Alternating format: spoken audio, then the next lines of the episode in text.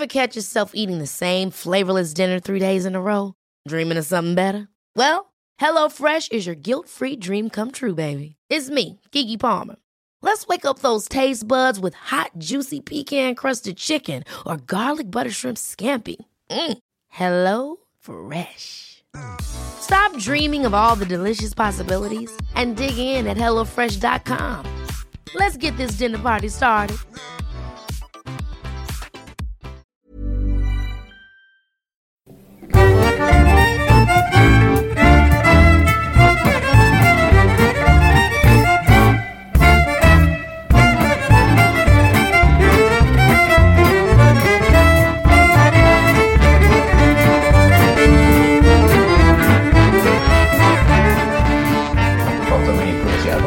Ska vi se. Då ska vi se. Kakor Då som säger jag vi älskar. hallå, hallå. Jag går upp till gult. Titta här vet du. Det här är min Saruman-röst som... eh, Ja, men nu är jag då. Kolla, jag har ju fan upp rött i något fel. Det har du aldrig gjort tidigare. Nej, så det är jättebra. Uh, Okej. Eh, hej och välkomna ska ni vara till eh, podden som i folkmun och även av oss eh, kallas för Diagnostikerna. Med mig sitter Fredrik Ultra Axén igen. Tjabba, tjabba. Tjabba tjabba och våran eminenta gäst eh, Andreas Scheffel. Vä- välkommen! Tack Ja. så mycket. Roligt äntligen att träffa dig. Ja, detsamma, detsamma. Har ni aldrig träffats eller? Nej, jag har sett dig live en gång. Är det sant? Ja. Med Wailing? Ja, Wailing Andy. Så där ja. Det är Ja, just det. fan inte det 20 år sedan. Nej. 15 i alla fall. Eh, vi, ja, ja, det är snart. Vi, vi var 18 år sedan vi drog igång. Men vi la ju ner 2013 så att, Ja. ja. Ja, ni körde på, eh, var det Stora Teatern den så heter den? Ja, just det. Ja, det gjorde vi. Asbra var det. Det var ju rätt nice spelning för då var det så salongen som backdrop kommer jag ihåg. Jag kommer inte ihåg varför vi var där. För vi var inte där för att titta på musik. Utan vi Jag tror, jag tror att de serverade öl också. Just det. Gör, det. de gör det? Nej, men så visade det sig att de spelar ju hardcore där också. Som jag råkar gilla. Ja, ja. Hardcore Superstar? Ja. Gillar du hardcore genren, genren är hardcore. För ni körde väl ganska mycket hardcore? Nej, inte vi. Nej, vi körde ju rock'n'roll liksom. Ja. Sådär. Vi, ska ni säga, ja men fan nu kommer vi lite, vi kommer lite för snabbt, vi kommer lite för eh, snabbt här. Men jag, jag bara, vi ska komma in på din musikkarriär men vi måste, jag måste bara ta lite grundläggande eh, fakta här nu. Du heter Andreas, du är född 1983 precis som jag. Du är alltså 37 år gammal, eller har du fyllt? Ja, det har du gjort. mars. Mm. Eh, Du är bosatt här i Kungsbacka. Du är eh, precis som jag en av medgrundarna till Kungsbacka stadsteater. Jajamän. Du är en allmänt känd eh, kulturprofil i Kungsbacka och i Göteborg numera. Du, eftersom du gästspelar i det, typ alla teatergrupper som finns. Eh, du har regisserat eh, teatersällskapet Ebbe. Nej. Det har du inte gjort. Nej, det har Nej. jag faktiskt aldrig gjort. Jag har eh, skrivit manus och jag har pro- varit projektledare och skådis. Vad är Ebbe? Det är väl det, åh, hur fan ska man beskriva det då? Engagerade bybor, eller vad, vad står det för? Enga- Engagerade byborsensemble. Så är det Mm. Det är den st- stora amatörteatergruppen i Kungsbacka kommun kan man säga. Jaha, okej. Har, har till tidigare ute i mm, Gällinge, För- Förlanda. Okej. Är ni eh, konkurrenter eller Kust och dem? Nej, nej, det är helt olika grejer. Det är det. Ja. De spelar för att det är kul, vi spelar för att det är bra. Touché. Ja, nej, ehm, och sen så, så du skriver dessutom ehm, krönikor Ja. i lokaltidningen Norra Halland. Stämmer bra. Eh, och du jobbar till vardags som personlig assistent. Ja, Har jag fått med allting nu? ja det tror jag. Vad skulle du eh, säga att jag missade annars? Nej, jag är nörd ute i fingerspetsarna. Ja just ja, du är en... Oh, det här, det här också, det här är ju det som fascinerar mig väldigt mycket. Du är ju en, nördar. Du är ju en samlare av rang. ja det är jag verkligen. Vad Det- samlar du på? Samlar på... Du samlar på Vinyl- serietidningar? Ja, serietidningar. Ja, ja, till viss del. Men vinylskivor. Ja. Eh, jag samlar eh, kuriosa kring saker jag brinner för. Jag samlar Ja. Peaks mem- memorabilia. Jag Ja. samlar saker om Palmemordet. Det kommer vi komma in på här sen. Ja. Eh, jag sa, eh, vad samlar jag mer? Samlar på actionfigurer. Nej, faktiskt inte. Jag har Jag- två hemma. Oh, två. Det är en bra Vilka då? De är värda. Vilka då? Jag har eh, Ash i Medieval Ash har jag från Evil Dead 3. Är du oöppnad? Ja, givetvis. Den är Jättevärdefull. Kostar två- 2000 spänn idag, tror jag. Oh shit. Och sen har jag eh, eh, vad heter han? Captain Spaulding från House of Thousand Corps. Åh fy fan vad coolt. När han står så här. Ja. Han håller, håller upp händerna som ett fuck off-fingrar. ja, underbart. Men ännu mer värd nu eftersom han dog, Sid Haig. Du, jag har ju dragit en anekdot som du i sin, eller som du i, har dragit angående när du berättar eh, för att liksom eh, illustrera hur, vilken samlare du är. Vi hade ju ett avsnitt där vi pratade black metal här med Erik Westin. Det. Och då nämnde vi då ett band som jag tror att det var det bandet du... eh, eh, ett svenskt döds... Eller black metal eh, punk... Eller black metal demo som du Ja. beställde från Peru. Ja. Men det är Battery. Nej, det var Morbid. Morbid. Mm. Alltså Dead, gamle sångaren i May Mayhem, hans första band där LG. Petrov från Entombed spelade trummor. Du menar att det och var Uffe Cederlund från Entombed Du spelade menar gitarr. Pelle som tog livet av sig? Pelle Men alltså Dead det här måste ju vara jätteokänt eller? Eh, De släppte två demos, en med Pelle. Sen tröttnade han för de var inte tillräckligt true och drog till Norge och blev sångare i Mayhem istället. Ja. Och den En tom blir inte true. Nej, Nej, det är life. det är life metal. Precis. ja. Så den demon lyckades jag komma över och köpte av en snubbe i Peru. Häftigt. Jag frågar vad det var. Det var inte, alltså det var inte obscena summor. Jag tror att... Vad fan gav jag? Inga Misfits singelpriser. Nej, för fan. Eh, ett, mellan ett och ett halvt och två tusen tror jag. Ja. Oj. Så det var inte, alltså det var inte så. Hade det varit... Jag hade inte gett 10. Jag har inte gett för någon skiva faktiskt. Nej. Men, Okej. men, eh, så att med, med frakt blev... blev Men hur många skivor är det? Är det en viss genre du samlar på eller är det bara liksom så här unika? Det är också så här, jag, när jag, när jag, det, det jag samlar är, är jag samlar på grejer jag tycker är kul. Så det innebär att jag har istället för att bara så här Ja, men jag vill ha en perfekt samling av svensk dödsmetall från 80, 80-talet. Ja. Då har man en... Det, det är sånt, jag är alldeles för bred för det. Ja, ja. Så Jag gillar Ja, ja, ja. mina band. Sen Ja. om det är Sen tar de för jävla lång jazz eller country också. eller metal eller alltså så här. Lyssnar du på det också? Använder du det? Ja, ja, jag skulle aldrig köpa en skiva jag inte kan lyssna på. Nej, men det är hedervärt Och ändå, jag för det tycker jag. vägrar köpa inplastade skivor. Det, det är a no-no liksom. Nej, för du vill använda dem. Du vill att de Ja, ska, ja. de ska Ja. leva liksom. Ja, ja. Okej. Ja. Ja. men det kan, det kan jag ändå respektera liksom istället för att man... Eh, jag respekterar dig mycket mindre Fredrik för att du köper en, du köper en leksak du inte ens leker med. Jag fick dem i 25-årspresent. Det säger rätt mycket. Ja. Ja, okej. Nej, men okej. jag, jag förstår det. det är, Ja. Just leksaker ska man vara, alltså sådana actionfigurer och så, det ska man faktiskt... Ja. Sen Eh, har jag inte dem för att de är värda deg utan det var mest roligt. Jag har glömt av dem i typ 15 år. Mm. Hur gammal är jag nu? Ja, inte 40 än men okej 10 har jag glömt av dem. Ja. Och så tittade jag och Ester, men de här leksakerna, ska du spara dem? Mm. Jag bara, men det är klart jag ska. De är ju skitsnygga. Ja. Så gick jag in på Tradera. Eller Ja. Ebay. Hon bara, Ja. Ester, Spalding är värd 2 500. Hon bara, okej då sparar jag dem. Ja. Fan vad bra. Nej, men jag, alltså, jag har ju en hel så här, kasse med Magic the Gathering-kort eh, hemma. Men eh, kommer du ihåg Magic the Gathering? Ja, men jag, jag har aldrig spelat det. Nej men det var, var jättepoppis när jag gick på typ mellanstadiet eh, i eh, slutet av 90-talet. Och, eller mitten av 90-talet. Och det är att jag, nu, nu ångrar jag ju att jag inte behandlar dem med, liksom, med försiktighet. Så de har ju bara legat i en plastkasse liksom. Så att Ja. de är nötta överallt. Jag vet att jag skulle inte få en spänn för dem förmodligen. Eh, men det är också så här att jag har ju aldrig haft den här. Den enda gången jag har samlat på någonting det var när, man, när vi höll på att samla på hockeybilder. När Ja, det jag också jag gick i mellanstadiet. och- 92 till 95 Ja, typ. och då hade man så här pärmar som man, med, med plastfickor som man kunde stoppa. Lukten av hockeybilderna är speciell. Det där limmet de använder. Ja. Det luktar så Ja. jäkla gott alltså. Jag var i eh, USA i somras och gick, och såg baseball, riktiga, i ligan liksom. Häftigt. Och så tänkte jag så här, så gick jag in i souvenirshoppen, jag måste ha något. Och så såg jag så här, eh, baseballkort liksom i en påse. Yankees, eller? Eh, nej, jag var i Seattle så vi var så Ma- Ma- Mariners mot St. Louis Cardinals var det.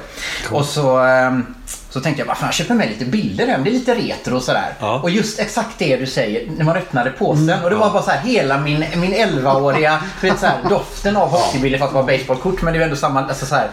En annan speciell doft var ju Garbage Pail Kid som du minns dem. Ja, ja, det minns jag mycket på väl. min tid fick man lite tuggummi med också. Ja. Den doften av det här kemiska tuggummit och de här klistermärkena. Ja, men, men Underbara. de, typen av tuggummin och klistermärken fanns ju med allt som var coolt på den tiden. Ja, exakt. Ninja Turtles fanns ju också. Du vet, då fick man ju tur, Turtles-stickor och ett tuggummi. Så jätte-overpriced tuggummi naturligtvis. Liksom. Men, Coolt. Men jag hade ju, kommer ihåg också, det, när man samlade på hockeybilder. Jag kunde ju ingenting om amerikansk hockey. Nej, jag. Men jag bestämde mig bara, ja ah, men Detroit Red Wings, de ser coola ut. Så då ska jag hålla på dem. Och då Ja, jag bestämde har- jag att då skulle jag samla på alla bilder jag kunde hitta. Sergej Fedorov. Ja, Sergej Fedorov och Steve Jersey Man och jag, kunde, det. jag kunde Niklas Lidström. Jag, det var, jag kunde allt på den tiden. Ehm, Om vad- gubbarna hette, vi har aldrig sett en match. Nej, inte en jävla match. Det var ju samma sak som att jag blev expert på fotboll en viss tid. När jag spelade Championship Manager på, eh, på PC. Och, hade, och tog över Arsenal. Och sen så förde jag Arsenal till Champions League-seger. Och då kunde jag alla spelarna. Men jag kan bara spelarna säsong 2000 till 2002. Det, var, det var ju deras guldår. När de hade Robert Pires och, och Fre- vad heter han, Fredrik Ljungberg och dem och Dennis Bergkamp. Eh, alla då. Eh, så det var, jä- det var jävligt coolt. Men jag tycker så, samlare och nördar, det är min absoluta favorittyp av människor. För du Men vad vet det mer man, du samlar på sa du? Förutom skivor? Eh, till viss del gamla tv-spel också. 8-bitars? Ja, eh, sen kan jag gilla lite udda format också. Eh, jag, ni, eh, Nintendo absolut. för Amiga det, det, det gör ju 15-tal. alla liksom. Ja, jag har, jag har ännu mer udda. Jag har en TurboGrafx faktiskt. Oj, men typ inte Neo Och Geo och en, sånt där. eh, nja, de är lite för Turbo dyra. Graphics? Ja. Aldrig hört talas om. Det är en maskin från NEC som eh, skulle kon- konkurrera. Det var den första 16-bitsmaskinen. Hette PC Engine i Japan. Jaha. Eh, ganska bra maskin. Många bra shoot, shoot, shoot, shoot em ups faktiskt. Eh, och, eh, kul. Men var Capcom och sånt där med där också? Och Ja, de hade, de, hade en, de hade en hyfsad uppsättning. För att, för att inte vara Sega eller Nintendo eller Sony. Okej. Eller numera Microsoft. Så hade de en, en, för att vara lite mer udda, så hade de ganska många bra tillverkare. All right. Eh, sen, Vad hette det sa du? TurboGrafx. NEC hette företaget som Ja. tillverkade den. De gjorde, till, gjorde den ihop med Hudson Soft. Men då antar jag att du gillar, eh, vad heter han, Angry Video Game Nerd på YouTube. Ja, fast jag tycker att han kan vara... Han blir en parodi på sig själv ibland. Alltså, Ja. Men det, han, han har ju å andra sidan det, han, han, Jag har ju kollat på i princip alla episoder han har gjort. Ja. Och där får man ju se också när han testar obskyra konsoler, Ja. obskyra eh, spel som man aldrig hört talas om. Han testar liksom. E.T. till exempel. Ja men IT är, ja. Men, eller när han testar? Dr Jekyll och Mr Hyde till 8 bitar. Som är typ det värsta som någonsin har gjorts liksom. Alltså, att, kan det bli värre än E.T.? Ja men IT var ju ändå spelbart på något sätt liksom. Det gick att klara på. Men IT var väl det som säger att det, det spelet ledde till, till videogame-döden. Ja. I början på 80-talet. Det finns ju en myt om att de grävde ner Ja, men den stämmer den myten. För det, är finns en sant. dokumentär om detta. Det gör Ja. det. Och då har de res- resurser. Och de är ute med grävskopor i den här jävla öknen. nu. Ja. De hittar ett litet, förhoppningsvis, eller förmodligen planterat kassettband då. Ja. Från den här, vad är det? Vad är det? Amiga? Är det... Commodore, Commodore 64. Alltså är det Commodore? Ja, jag tror det är Okej. Commodore. Ja. Nej men som sagt, jag, jag älskar det här. Ob att obskyra eh, information eh, och obskyra liksom obsessions, det är min favorittyp av människor. Men vi har ju en liten tradition här att för att lära känna våra gäster ordentligt så eh, har vi valt att ett format där vi ställer frågor som man ska ställa på första dejten Oj. till eh, våra gäster. Och eh, tidigare så har jag haft eh, Happy Pancakes 45 frågor att ställa på första dejten. Nu googlar jag fram någonting nytt som, från sidan bam.se. Eh, 17 frågor som är perfekta att ställa på första dejten. Så om du säger en siffra mellan 1 och 17 så ska du få en, en eh, fantastisk fråga här. Då säger jag 11. 11. Vilken är den häftigaste platsen du har varit på? Enkel fråga som öppnar upp för spännande svar om din dejts mest minnesvärda upplevelser. Har ni båda ett gediget intresse för, för att resa kommer historier från era respektive äventyr att avlösa varandra. Ja. Den häftigaste platsen jag har varit på? Ja. Ja, då får jag ju säga något som, som anknyter lite grann till det vi ska prata om sen. Det är ju Ja. att jag har varit i Snoqualmie utanför Seattle där de spelade in Twin Peaks. Okej. Dels för att det är där de spelade in Twin Peaks och Ja. dels för att jag aldrig sett så vacker natur i hela mitt liv. Men är det typ Redwood-skogar i USA va? Ja. ja. Det är alltså, så- de har egentligen... Vad hette det? Swan Kong Kong? Snoqualmie. Det är ett indiannamn. S-N-O-Q-U-A-L. Är det North Dakota eller vart ligger det? Washington. Washington? På gränsen till Kanada. Ja. Eh, I staten Washington. Man kan, ja, precis. Wow. Man, man, man kan säga att de har ungefär samma typ av träd som vi har här. Bara som att de är dubbelt så stora. Ja, just så att det. löven är helt... Alltså det som är... Men det är typ sådana här eh, fem meter breda eh, trädstammar och sånt. Ja, ja. Häftigt. Vad är det coolaste platsen du har varit på Andreas? Ja, jag är inte så berest så, men jag får väl säga då Abisko. Eh, jag har sagt det förut. Eh, Abisko norrsken. Mm. Det är eh, det närmaste jag har varit eh, till att på riktigt bli religiös liksom, i, eh, i verkligheten. Det är, det är någonting vackert med natur. Um, och framförallt na, natur, så här, orörd natur. Sånt som, som det här har skapats genom, eh, genom uh, liksom, miljoner av, av år. Liksom, utan att någon har, har engineerat det. Utan det har bara skett av sig själv. Och det tycker jag är vackert. Eh, jag, men det är så, jag har många liksom, eh, vad ska man säga. Eh, jag har många eh, så här, um, vad säger man, bucket list. Eh, ställen jag skulle vilja åka till. Eh, Jag kom, som Olof sa, Angkor Wat hade varit kul, kul att se. Ja. Gud ja. Jag hade velat sett eh, om den finns kvar. Jag, jag, jag, Exklusive ormarna. Ja, men i och för sig, allt, allt, allt skit som ligger inne i djungler, då vet man ju. Jag har sett Arachnophobia för många gånger för att vilja gå in i Amazonas-djunglerna. Liksom. John Goodmans bästa film för fan. Och Jeff Daniels. Ja. Själv då Fredrik? Var... Ja, jag tog första liften när de hade precis öppnat. Jag var först i kön i Riksgränsen en gång. Åkte upp, då åkte man igenom, det var så jävla disigt i dalen. Men så var högst upp på berget på Riksgränsen och tittade ut över den här sjön som är där. Fan är det Torneträsk eller något liknande. Ja. Det var häftigt. ja. Kan jag tänka mig. Men det är överhuvudtaget, alltså alla som inte har varit det, det kan jag tipsa lyssnarna om också. Ha, åk upp till norra Sverige någon gång. Gör det gärna. Liksom smootha in det första gången. Åk upp på sommaren. När det är, eh, visst det är mycket mygg men det är fina solnedgångar och det är varmt så in i helvete. Eh, det är överkurs att åka upp på vintern första gången. För att eh, då är det mörkt hela tiden och ni får och eh, kallt av bara helvete. Men, eh, men som sagt, det finns någonting fint på, med, på båda årstiderna. Just det, jag fyllde 20 år den dagen också. När du var på Riksgränsen? Ja, den 22 mars. Jävligt coolt. Ja, verkligen. Så då var det lite extra känslor. Jag visste att systempåsen brände där någonstans. Eh, Jag väljer, jag väljer en fråga till åt dig. Den här vill jag höra dig svara på. Eh, vilket ämne väljer du helst i en frågesport? Oavsett om det är bilar, sport eller musik som är din dates specialområde säger det en hel del om honom eller henne. Delar ni intresse eller har du möjligheten att lära dig en massa nytt? Oh, historia tror jag för att jag har andra intressen jag tycker är roligare men jag tror jag kan mer om man ska, om man ska tänka lite tak taktiskt. Är du bra på historia? Ja, ganska. Svensk historia i alla fall är jag, skulle jag nog säga att jag vi kommer undan ganska bra på det. Eh, Ja, men det får jag nog säga. Ja, det är nog MVG. Jag skulle nog säga precis tvärtom. Svensk historia är det jag är sämst på, men jag är jättebra på, på europeisk historia Ja, Eh, i jämförelse. Eh, själv då, Fredrik? Vad skulle du säga? Alltså finns det en kategori hårdrocks så, så hade jag tagit det. Ja. Hårdrock. Är du bra på hårdrock? Jag är väldigt duktig. Ja, och ändå visste du inte att det var Dead, eller att det var... Morbid. Nej, eller, eller att de vad hette Death, Death, det brittiska bandet Nej.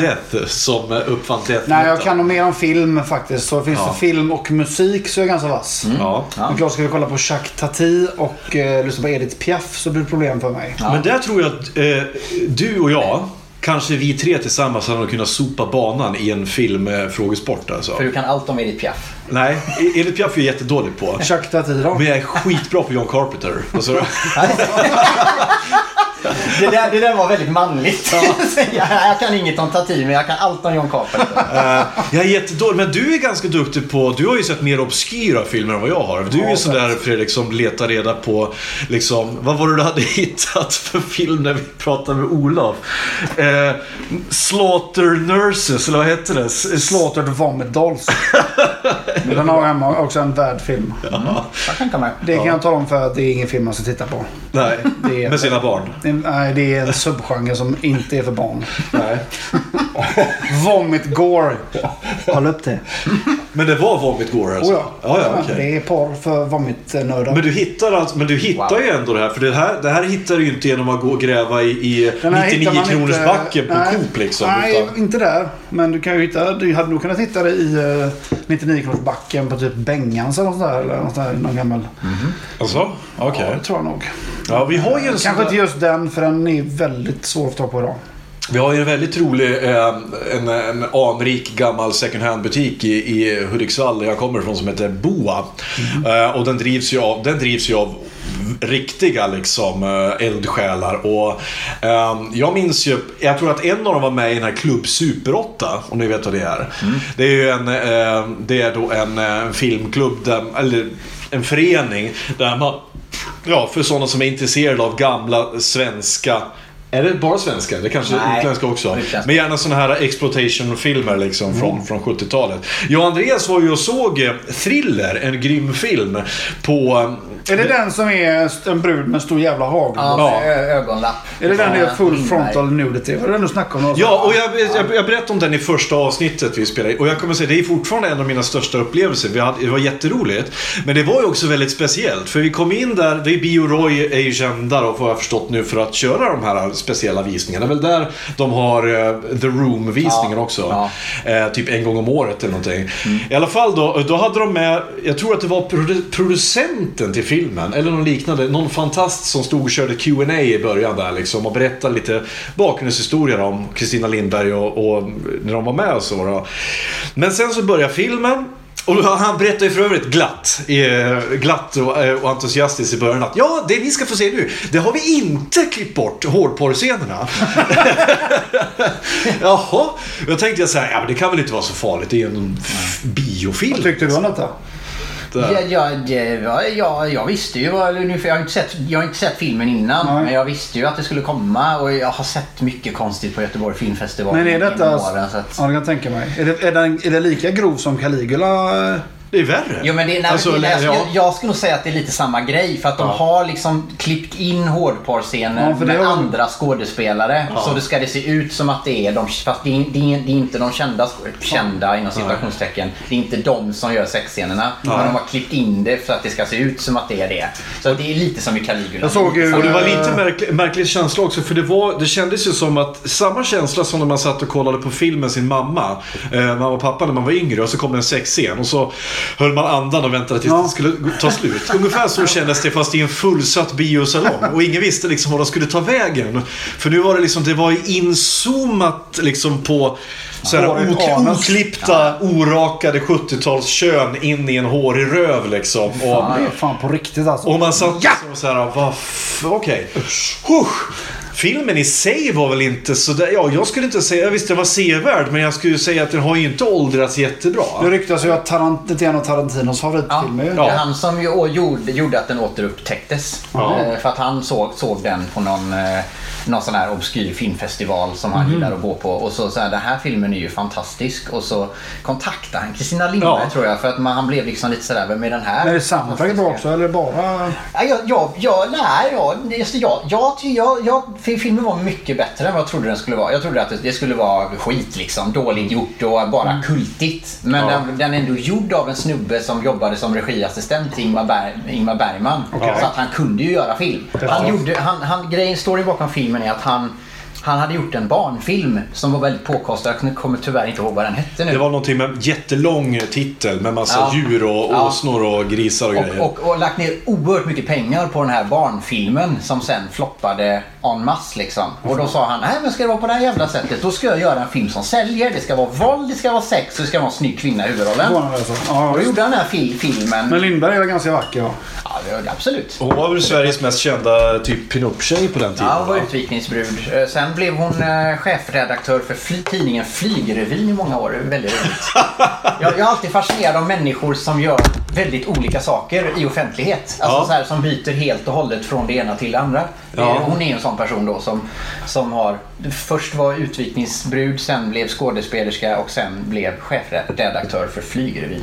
Väldigt. Ja. Han som spelar eh, skurken i den filmen, han som jag tyckte påminner lite om en, eh, en ung Persbrandt. eh, Heinz Hopf. Heinz Hopf, han gick ju bort för inte så länge sedan. Ja, känd från Varuhuset. Ja. Fram, fram, framförallt den Ja. gamla 80-talssåpan. Ja, just det. Som, nu ska vi se, vad hette hon då? Inga Gill var med i den Jajamän. serien också. Det var hon som åkte, åkte dit för snatteri av avokado. Några Det är svindyrt. Ja. Jag vet, jag var på dejt en gång med en tjej. Som, och då kollade vi på Von Triers Antichrist. Ja, ja, det är ingen bra Den vill man ju date- inte datefilm. Ah, herregud vad jag mår så dåligt efter den här filmen. Ja, den är mörk. den är också eh, lite så här snoppar in det hit och dit. Och, Ja, klipps av lite här och där. Och, och var så jävla gory. ja. Jag har fått en glädjestund hela filmen. Nej, den är... Det var den, nog den mörkaste filmen jag sett. Ja, ja.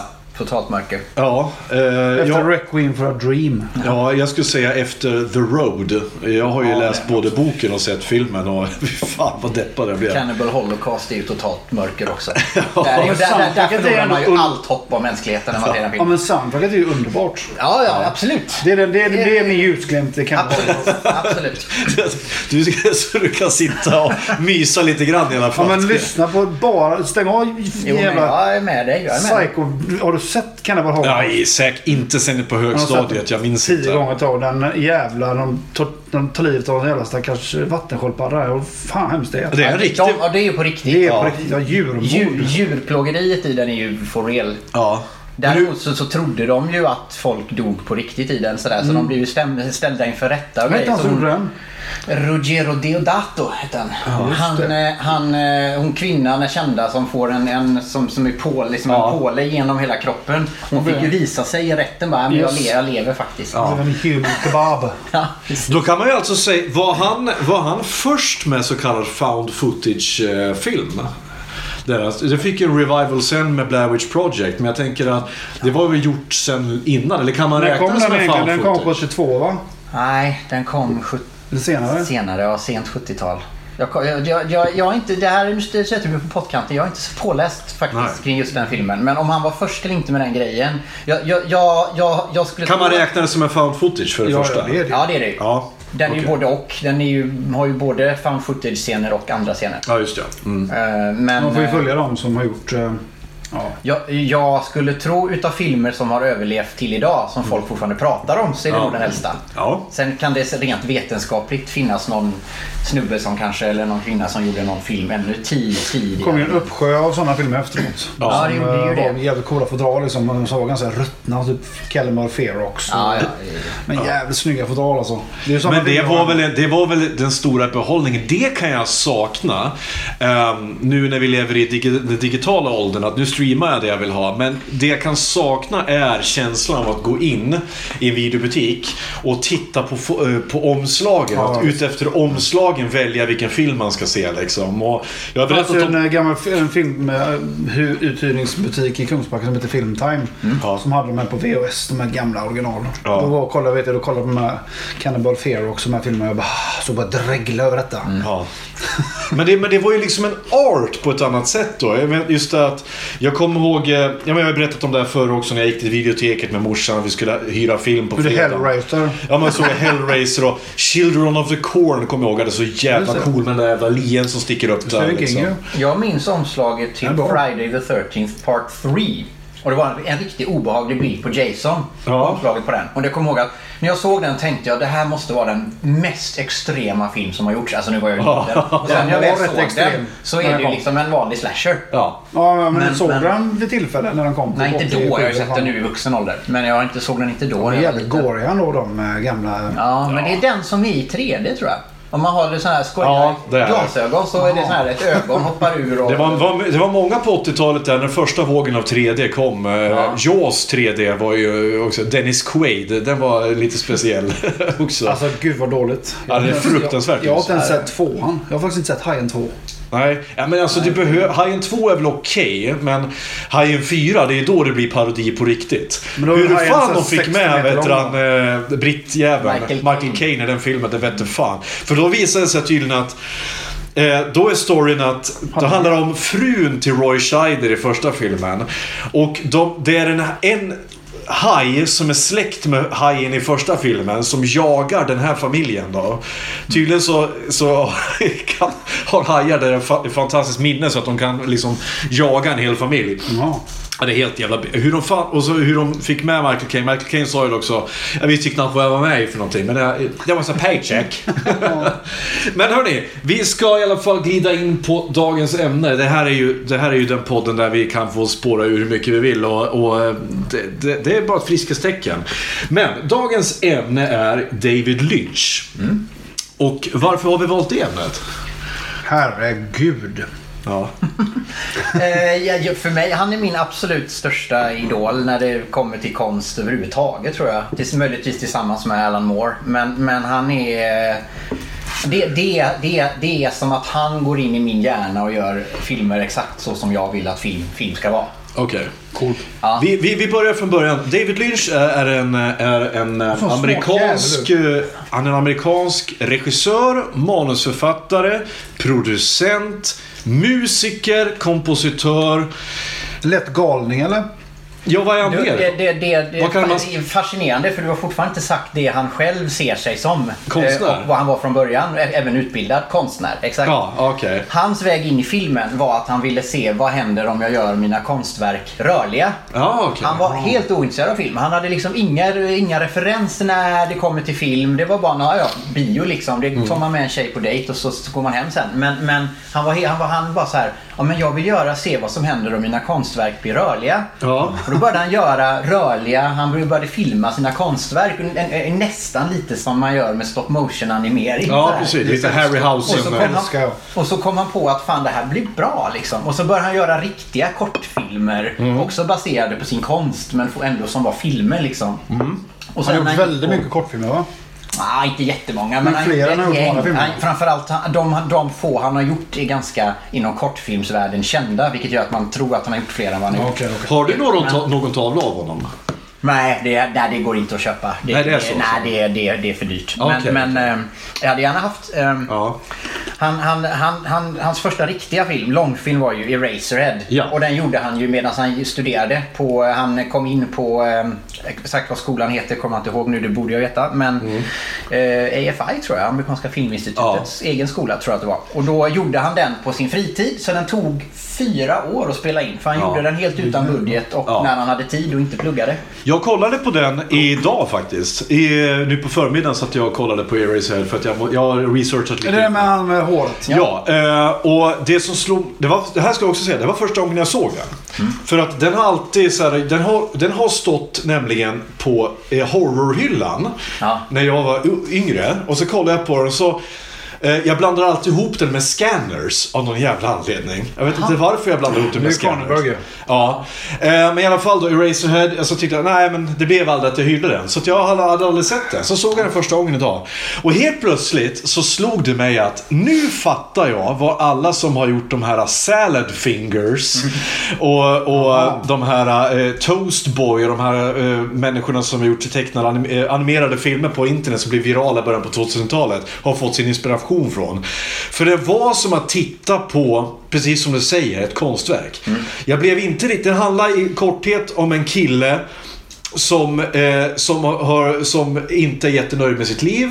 Eh, och han är lite sexuellt frustrerad. Han lever ett ganska tråkigt liv. Och han drömmer om att få vara otrogen. Och han, han bor i en... Eh, allting är jättesvartvitt och allting är jättedeppigt. Han sitter och... Ja, och för att... Eh, fly sin verklighet så sitter han och stirrar in i ett element. Är den typ som Hellraiser 1 eller? Nej, nej. Nej. han sitter och stirrar in i ett element. För där ser han en liten dam som står och sjunger. Eh, och då drömmer han om att få vara otrogen. Och samtidigt har han fått barn. Och barnet i sin tur ser ut som en, Gore-variant av E.T. Liksom. Och sen så, och så sitter en liten gubbe i, eh, i hans huvud och styr hans liv med en spak. Ja, det, alltså det, är, det är helt... Alltså jag kan inte förklara hur den här filmen är. Men, men för, alltså, för- förlåt att jag avbryter, men för att vara en surrealistisk film, vilket det alldeles uppenbart är. Ja.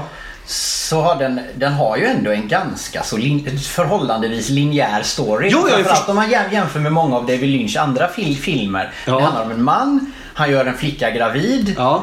Eh, Hon får ångest och lämnar barnet med honom. Barnet Ja. är gravt missbildat. Ja. Barnet ger honom mardrömmar. Till slut var han tvungen att ha ihjäl barnet för att kunna rädda sig själv.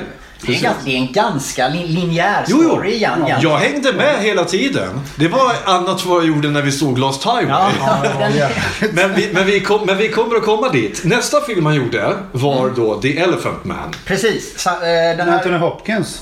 Ja, eh, Eraserhead blev eh, inom konst och filmkonnässörkretsar en supersuccé. Ja. Den hade ju aldrig någon riktig biopremiär som vi kallar biopremiär idag. Jo, 1993 hade den premiär i Sverige första gången. Ja, ja. Och det är lite märkligt med tanke på att den kom 1977 i USA. Men, men väldigt, den, den är lite, om, om man är musikintresserad så känner man antagligen till Velvet Underground och det sägs, sägs att Velvet Underground när de fanns sålde inga skivor. Men alla som gick på deras konserter började starta egna band. Så att de Ja. blev väldigt, inf- alltså sådär. Eh, och lite så... Sålde inte Velvet Underground några skivor? Nej, väldigt få när de fanns. Väldigt, väldigt få. Den här banan, det är därför det är så svårt att få tag på den här bananskivan idag i originalpress för att den sålde nästan ingenting. Var det han Warhol eller? Ja, och Lou Reed. Just det. John Cale och några till. I alla fall. Eh, väldigt många filmkonnässörer såg Eraserhead och blev helt sålda. För det här var no- någonting som inte påminde om någonting som har gjorts innan. Och en av dem som gjorde det här är, var faktiskt komikern Mel Brooks. Jaha. Det är våras Mel Brooks. Ja, just det. Och han eh, har även en, en lite mer dold karriär som producent av dramafilmer. Där han inte, han, han var producent för dem men han ville inte ha med sitt namn. För att han tyckte att hans namn var så oerhört förknippat med eh, plojig humor. Han var väldigt stolt över sitt arbete med det men han tyckte att sätter jag Mel Brooks på filmen så tänker folk att det kommer vara en komedi. Ja. Och jag vill göra annat också. Så han skulle göra en filmatisering av historien om, om, eh, om eh, Joseph Merrick som i filmen av någon anledning heter John men han hette jo- Joseph i verklighet, Elefantmannen. Och han hade sett den här eh, Eraserhead och tyckte att den här killen vill jag ge en chans. Och framförallt eftersom det är så snyggt svartvitt foto i Eraserhead och filmen eh, Elefantmannen skulle också vara i svartvitt. Eh, Så att han tyckte att den här snubben ska göra, ska göra min film. Så gick det till när David Lynch fick jobbet att göra en, en helt konventionell film. För det, den, den har ju nästan inga surrealistiska inslag. Eller liksom, det är ju en vanlig historia. En Ja, en- en- sor, sor, sorgesam historia. Om En en, sann historia också va? ja, precis. Om en väldigt gravt missbildad man. Är Som, den också svartvit? ja, Ja. Men ung, eller ung och ung, Anthony Hopkins, det var väl ändå på 80-talet den kom så att... eh, eh, och eh, framförallt John Hurt i titelrollen. Ja, Det är det är den där be- berömda eh, eh, linen kom. eh, I am not an animal. I am John a human Hurt, jag being. blandar alltid ihop. John Hurt är han som är med i V för Vendetta va? John Ja, Hurt, ja. precis. bland. Och det är även han som blir chest burstad i Alien. Mm. Och vad heter han som är med i... Uh...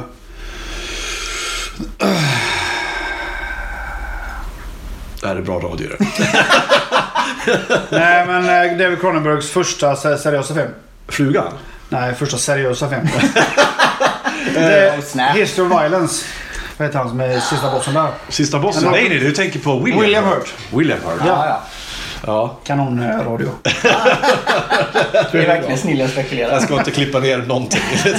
Fantastiskt. Nej men Elefantmannen minns att jag såg när jag gick på högstadiet. Den tyckte jag var väldigt bra. Men som du säger, inga konstigheter. Hade jag, hade jag, sett, hade jag liksom inte vetat det så hade jag aldrig kunnat tro att det var David Lynch som hade gjort det. Jag tror att hantverksmässigt, vad det kommer till, att, till det, det traditionella filmhantverket, så tror jag att det var det, den filmen som var David Lynchs skola. Ja. Där han liksom lärde sig att göra, göra normal film. Ja, men, ja precis. Alltså- hur, man, hur man bygger upp en akt, äh, aktstruktur och, och För. Eraserhead är ju som du säger, det är mer ett filmat kon konstverk. Liksom. Ja. Men eh, det här är ju en vanlig historia, en vanlig linjär historia med normala kameravinklar. Ja. Alltså allting är ganska normalt i den. Normal dialog. Ja. Det är som den första filmen Peter Jackson gjorde, Bad Taste. Ja. Det är också gjorde han liksom maskerna hemma hos sin mammas ugn och Ja. tog så fem år att göra. Ja. Och all respekt alltså. Ja, ja.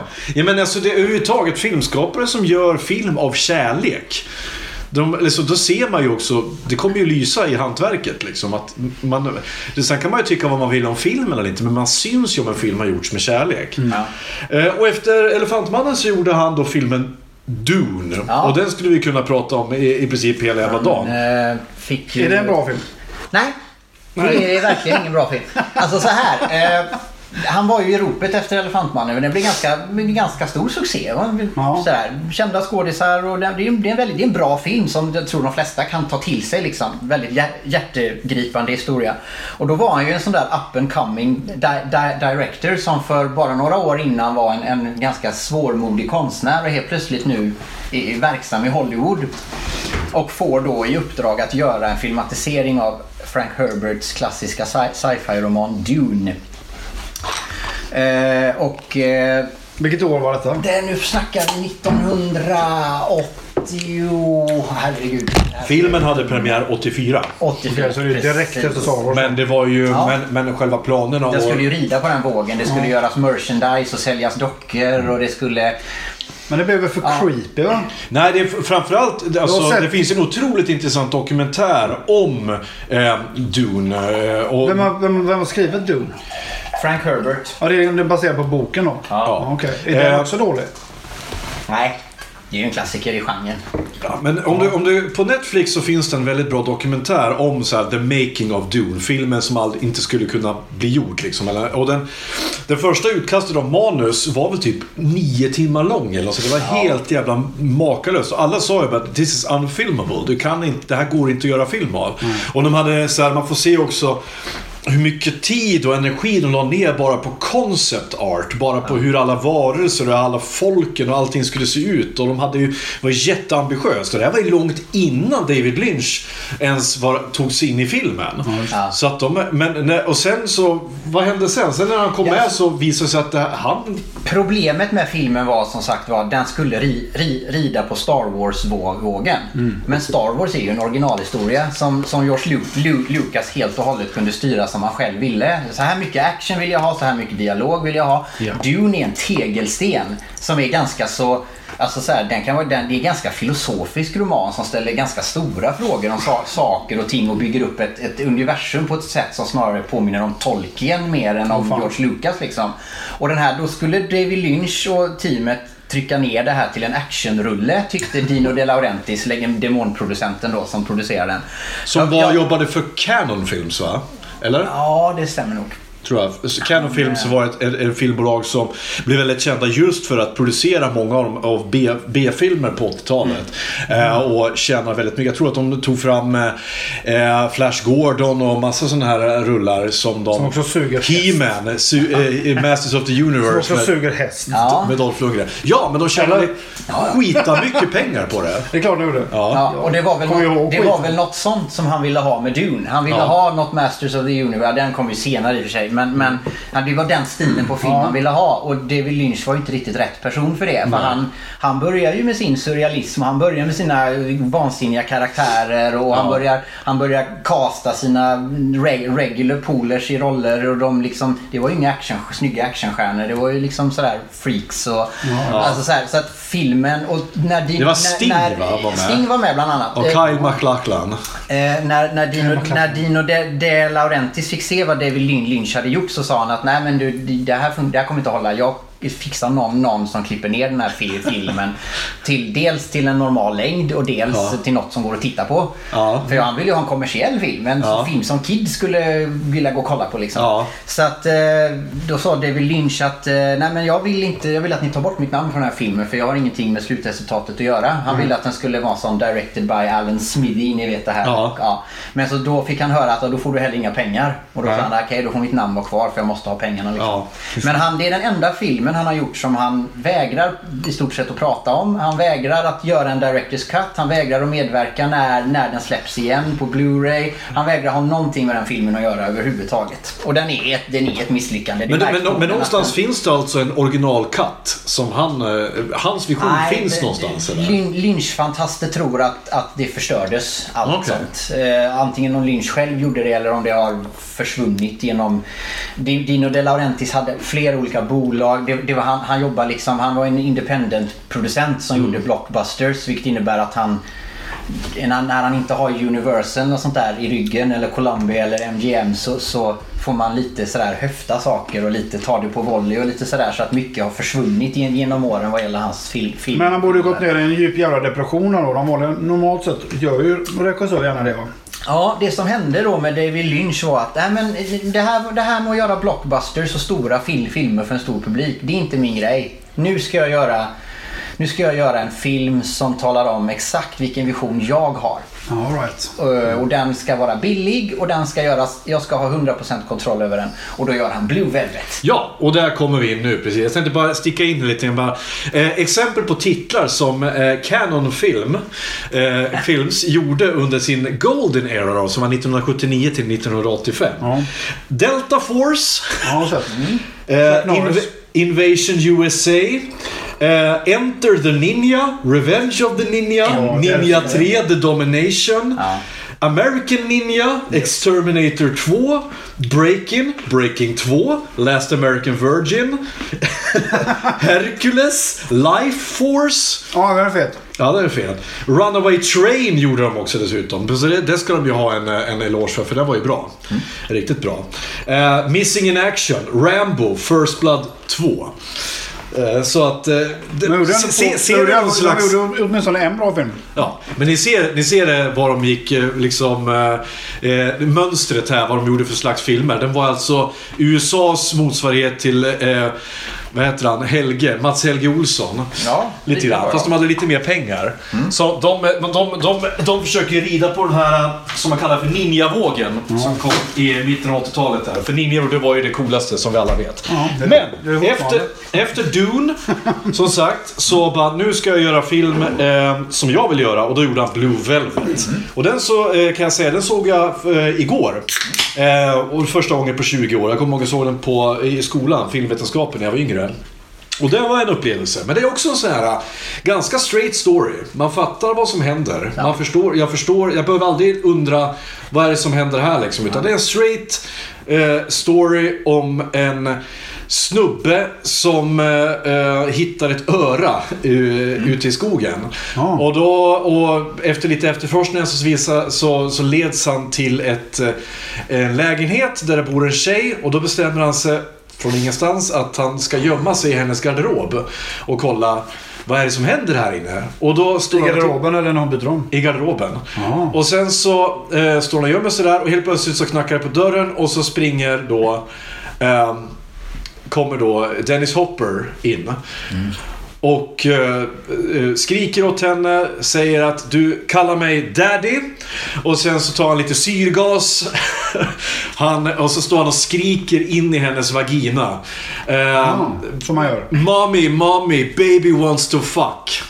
Oj jävlar. Och där har vi satt liksom... Eh, Det här gillar jag. Det låter lynch. Ja, det här var väldigt lynch. Den är ju mycket av en programförklaring. Alltså mycket av Lynchs konstnärskap genom åren har handlat om att han hade en väldigt harmonisk eh, barndom. Han hade en väldigt fi, alltså fin familj, han trivdes och han, han levde i en ganska så skyddad verkstad av att världen är vacker och underbar. Var förmögen också. Nej, nej inte så förmögen men, men ändå det var en fin, väldigt fina föräldrar liksom som tog väl hand om sina barn.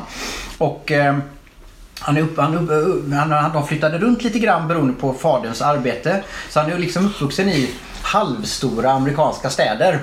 Och för honom blev det att komma ur den här skyddade ver verkstaden av att jag mår, att allt är fint. Att upptäcka skiten och smutsen som finns under den amerikanska medelklassen. Eh, Våldet, sexualiteten, det, det, det, det onda som finns under.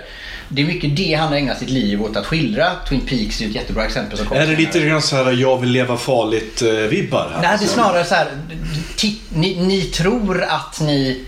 Ni tror att era liv är perfekta. Ni tror att ni, ni, ni, er fasad är här. Men jag vet vilken skit ni egentligen är under. Jaha. Det är det det handlar om. Och i. Blue Velvet är det, det, det är nästan övertydligt när han har en, åk, en kameraåkning på en helt en vacker 50-talsinfluerad gata, en amerikansk småstad. Alla vinkar, Ja. alla hälsar. Så åker kameran ner under jord där det krälar maskar. Liksom. Ja. Och det är, så, det är nästan övertydlig symbolik i den. Han, han ville verkligen visa att det här är min vision, det här är vad jag vill göra. Mm. Och Blue Velvet är väldigt mycket, för, he, he, hela Dennis Hoppers karaktär i den, Frank Booth, handlar ju om, det, det, det, är ju inte ens en riktig människa, han är ju bara total ondska. Ja. Det, finns ju inget mänskligt i den karaktären överhuvudtaget. Nej, jag tänkte på det när jag såg filmen också att oj jävlar. För är, det, är det här Dennis Hopper eller David Lynch som har sagt åt honom att du ska gå full... Alltså om du tror att du gör tillräckligt så gör mer.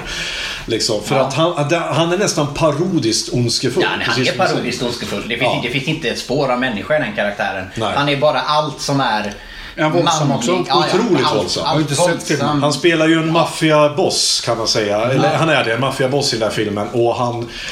Och det, han, som sagt, han är, det, det är bara alltså ren jävla vrede och, och ondska i honom hela tiden. Alla, hans, alla han träffar på mer eller mindre misshandlar han och, och, och, och skriker åt hela tiden. Och, och det är alltså så depraverat som det bara kan bli. Och det här står då våran protagonist Kyle MacLachlan eh, och storögt och gapande stirrar på bara, vad är det som händer? Ja. Och det antar väl att han då ska han, han är vi. Han är vi som är Ja. den, den som, precis som du säger, vi tror att vi lever skyddade, vi tror att vi Ja. har sett världen. Men Exakt. eh, så står vi här när vi får se riktig smuts liksom, så står vi bara och vet, helt handfallna, vet inte vad vi ska göra. För han, han eh, i sin tur spelar en kille som, han, eh, han, han säger ju det att jag vill bryta mig in där och bara, ja men det, ingenting kan gå fel, men vad ska hända liksom så här. Han, han tror att han, att han har koll på läget liksom, men han har aldrig sett hur depraverad världen faktiskt kan Nej. bli. Han tror att han är lite grann som alla de här blöjgangsters liksom som, som, som vill vara, som- men, men som vill vara, vara, vara, tro att de är kriminella liksom, eller tro att de är balla, men de har aldrig varit i den riktiga kriminella världen. De vet inte hur jävla de- desperat det kan bli. Nej. Så det tycker jag, nej men jag blev väldigt, eh, väldigt glad att jag såg den igen för att eh, som sagt, jag tipsade dig om den. Here's a cool fact a crocodile can't stick out its tongue. Another cool fact you can get short term health insurance for a month or just under a year in some states. United Healthcare short term insurance plans are designed for people who are between jobs, coming off their parents' plan, or turning a side hustle into a full time gig. Underwritten by Golden Rule Insurance Company, they offer flexible, budget friendly coverage with access to a nationwide network of doctors and hospitals. Get more cool facts about United Healthcare short term plans at uh1.com. Mom deserves the best, and there's no better place to shop for Mother's Day than Whole Foods Market. They're your destination for unbeatable savings, from premium gifts to show-stopping flowers and irresistible desserts. Start by saving 33% with Prime on all body care and candles. Then get a 15-stem bunch of tulips for just $9.99 each with Prime. Round out Mom's menu with festive rosé, irresistible berry chantilly cake, and more special treats. Come celebrate Mother's Day at Whole Foods Market. Titta på den för fan. Ja, men jag har som sagt småbarnsförälder och Ester, min sambo, gillar inte så mycket sånt. Hon vill gärna fatta grejerna. Ja, men Hon- Blue Velvet fattar man. Det är inte, jag skulle inte, jag skulle inte kalla det en surrealistisk film. Absolut Den har surrealistiska scener och inslag. Ja. Men det, det är ändå en linjär handling. Ja. Jag kom hem från eh, jobbet en gång när min tjej och hennes bästa kompis Andrea, som hon var kompis med, då, satt och tittade på Slaughtered Vomit Dolls. Jag bara, vad fan gör ni? De bara, bara vände blicken mot mig och bara, vad är det här? Och som tur var så har de bara sett fem minuter, men det räcker. Det, det behöver inte mer spyporr efter det liksom. Eh, nästa film som kom 1990 har jag faktiskt inte sett. Vilket jag eh, ska försöka råda bot på eh, snabbt. Den heter Wild at Heart. Vi måste backa bandet lite grann först. Ja, För att eh, Blue Velvet um, är en väldigt omtyckt film. Men det var ingen, direkt, det var ingen kassasuccé direkt. Nej. Inte den typen av film, film som folk springer till. Och han måste försörja sig. Han är konstnär och det tjänar man inte så mycket pengar på. Nej. Så han bestämmer sig för att satsa på TV. Jaha. Ja, okej. Och då kontaktar han, eh, eller ihop med eh, Två tvillingar. Eh, deckar... Tre deckare är för Okej. Nej, jag skojar. Ehm, han, konta- han kontaktar eh, eh, Mark Frost som ligger ba- bakom eh, tv-serien... Nu ska vi se här. Är det Spånarna på Hill Street är det väl? Eller? Här borde jag veta. Ja, jag kommer, det står still i huvudet just nu. Jag äter korv så jag... Mm. Ehm, de bestämmer sig för att göra, göra, göra en tv-serie med, från temat från Blue Velvet. En perfekt, vacker amerikansk småstad där det otänkbara händer.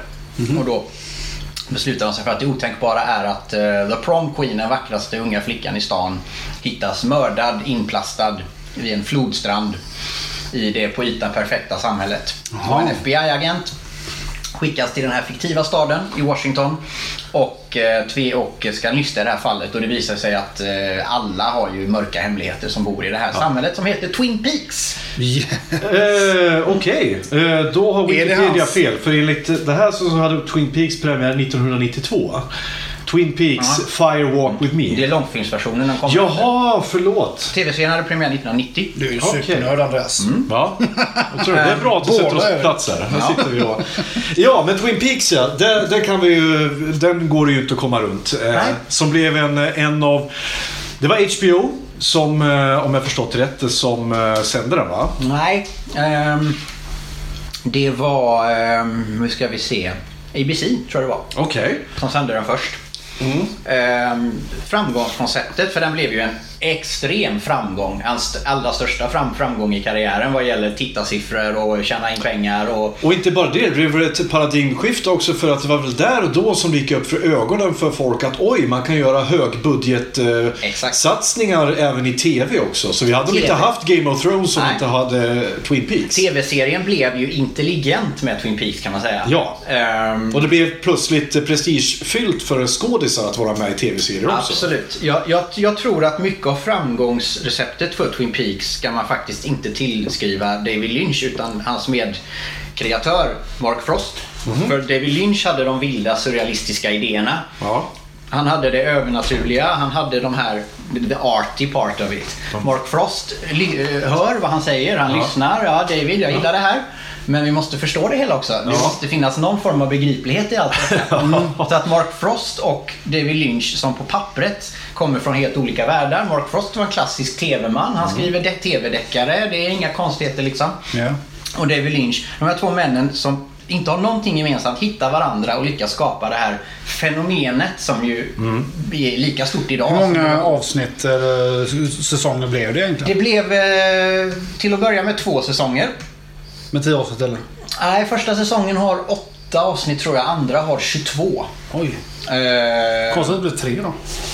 vad sa du att? Konstigt att det blev tre säsonger. Nej, men den, de, den, eh, på den tiden så var det är ju TV fortfarande, men på den tiden var det i ännu högre grad så att tappar man bara lite, lite, lite titt, titt, titt tittade på prime time när han Ja. gick ju på prime, prime time. Ja, okej. Så, att, eh, mot, så att motståndarkanalen eller konkurrentkanalen tar, ö- liksom, de har högre tittare och det, det kan skilja jättelite. Mm. Men så fort, ja, men då flyttar vi den här TV-serien för att då kan inte den ligga där med. Vi måste vara nummer ett på prime. jävlar. då flyttar de den till en sämre tid.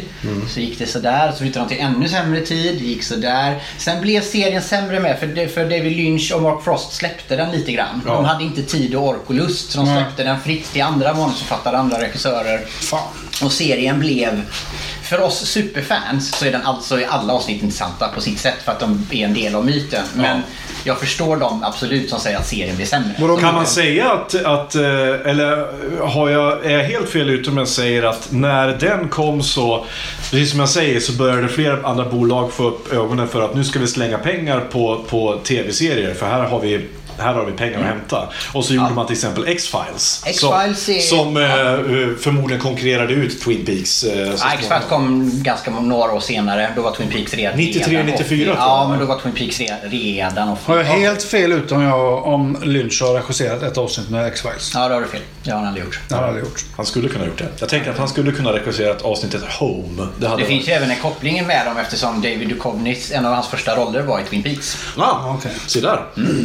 Och Twin Peaks är precis som du säger, det handlar om en FBI-agent som kommer till en liten sömnig stad för att utreda ett mord och sen så dras han in i diverse skumraskaffärer där. Och Ja. eh, om jag, det jag minns, så här, det här såg ju jag när jag gick på högstadiet. Ja. Det var ju då den var liksom poppis. Och jag minns ju ingenting. Jag minns utvalda scener, jag minns de extrema sakerna. De baklängestalande dvärgar, Ja. röda skynken känns som en grej som ofta är med i David Lynch eh, kreationer. Absolut. Ehm, och jag minns också demonen Bob. Ja.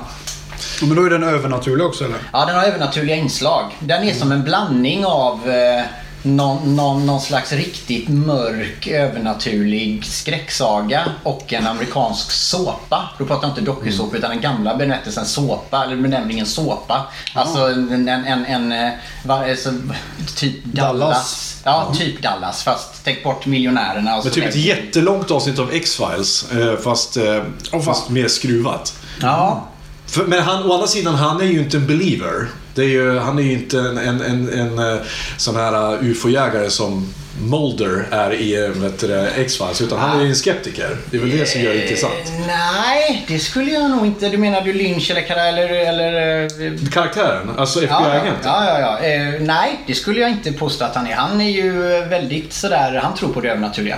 Ja, men Absolut. gör det från början? Ja, det Jaha, okej. Det är alla andra som inte gör det i serien. Jaha, okej.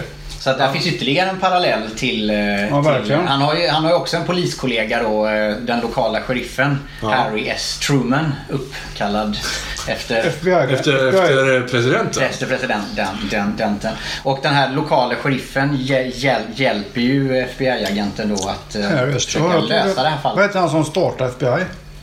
Eh, Hoover. J. Edgar J. Hoover. Ja, just det. De här. Eh, ganska kackigt porträtterad av Leonardo DiCaprio i Ja, just det. filmen Hoover. Men medan vi ändå är inne på det. Vad, vad, vad var grejen med att han alltid kastar Kyle MacLachlan i varje... Heter han McLachlan? McLachlan, skånskt. Jaha, Han, okej. är, han är amerikan men han har skotskt. Är, det, är de kompisar bara eller är det hans DiCaprio? Han eh, liksom? castades till eh, Dune för huvudrollen. Ja. Eh, Men då castades han inte av Lynch själv utan av filmbolaget. Ja. Och han tyckte så mycket om honom. Han, han, själv har sagt i, i, i, eh, i intervjuer, David Lynch, att när jag ser på Cale, som han kallar honom. eh, Han, eh, jag har någon Ja. anledning kallar honom för Cale. Han har alltid egna namn på alla sina favoritstjärnor. Eh, när jag ser Cale så ser jag den jag vill vara och den som jag vill ska vara min representant i filmvärlden. Så han ser sig själv. Han ser sig själv i Kyle MacLachlan. Och Kyle MacLachlans figurer får utforska David Lynchs filmvärld. Är han en bra Liksom. skådis? Ja, det skulle jag säga att han är. Jag tycker han är väldigt bra. Eh, gud, vi är fan uppe i snart en timme. Kom, det kommer bli ett extra långt avsnitt här. För jag tänker, jag tänker inte ge mig förrän vi har tagit igenom hela hans filmografi. Nej, det måste vi absolut. Eh, Vi, så- eh, vi speedar på lite grann då. Ni kan, men vi behöver inte spida på. Det får bli ett extra långt avsnitt bara. ett extra långt Jag tror inte våra Eh. lyssnare har någonting emot det. Men nu är vi på Wild at Heart. Ja, när David Lynch eh, hade gjort de första avsnitten av Twin Peaks, han är ganska rastlös av sig, så han insåg väl själv att jag kommer aldrig att eh, orka göra en hel tv-serie, utan det lämnar vi över.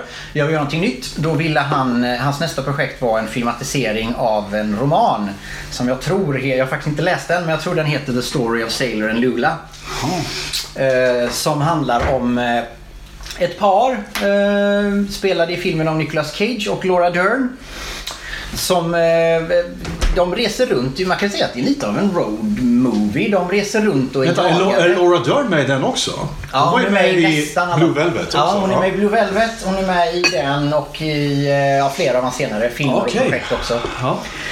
Ehm, de är jagade utav ma- gang, gangsters. Ja. Lite, den är lite samma story som True Romance. Ja, okej. Eh, faktiskt, snarlik historia.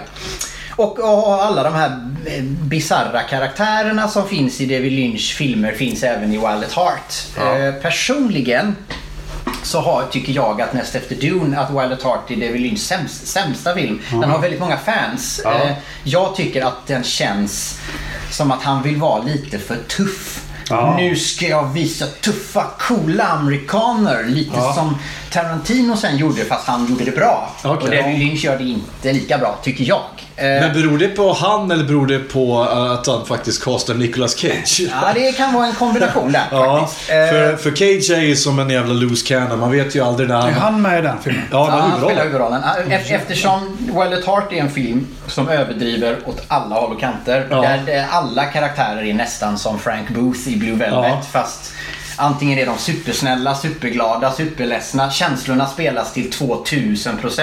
Ja. Så funkar Nicolas Cage i den Ja. Är filmen. det den filmen Nicolas Cage gör det här alfabetet? Nej, det är Kiss of the Vampire. Ja. tänker på. Den, den, den mest kända Nicolas Cage-grejen från eh, eh, Wild at Heart tror jag är när han har en, en monolog om varför han älskar sin snakeskin jacket. På väldigt tillgjord sy, sydstatsdialekt. It's a token of my individuality. Ja, så vidare, så vidare.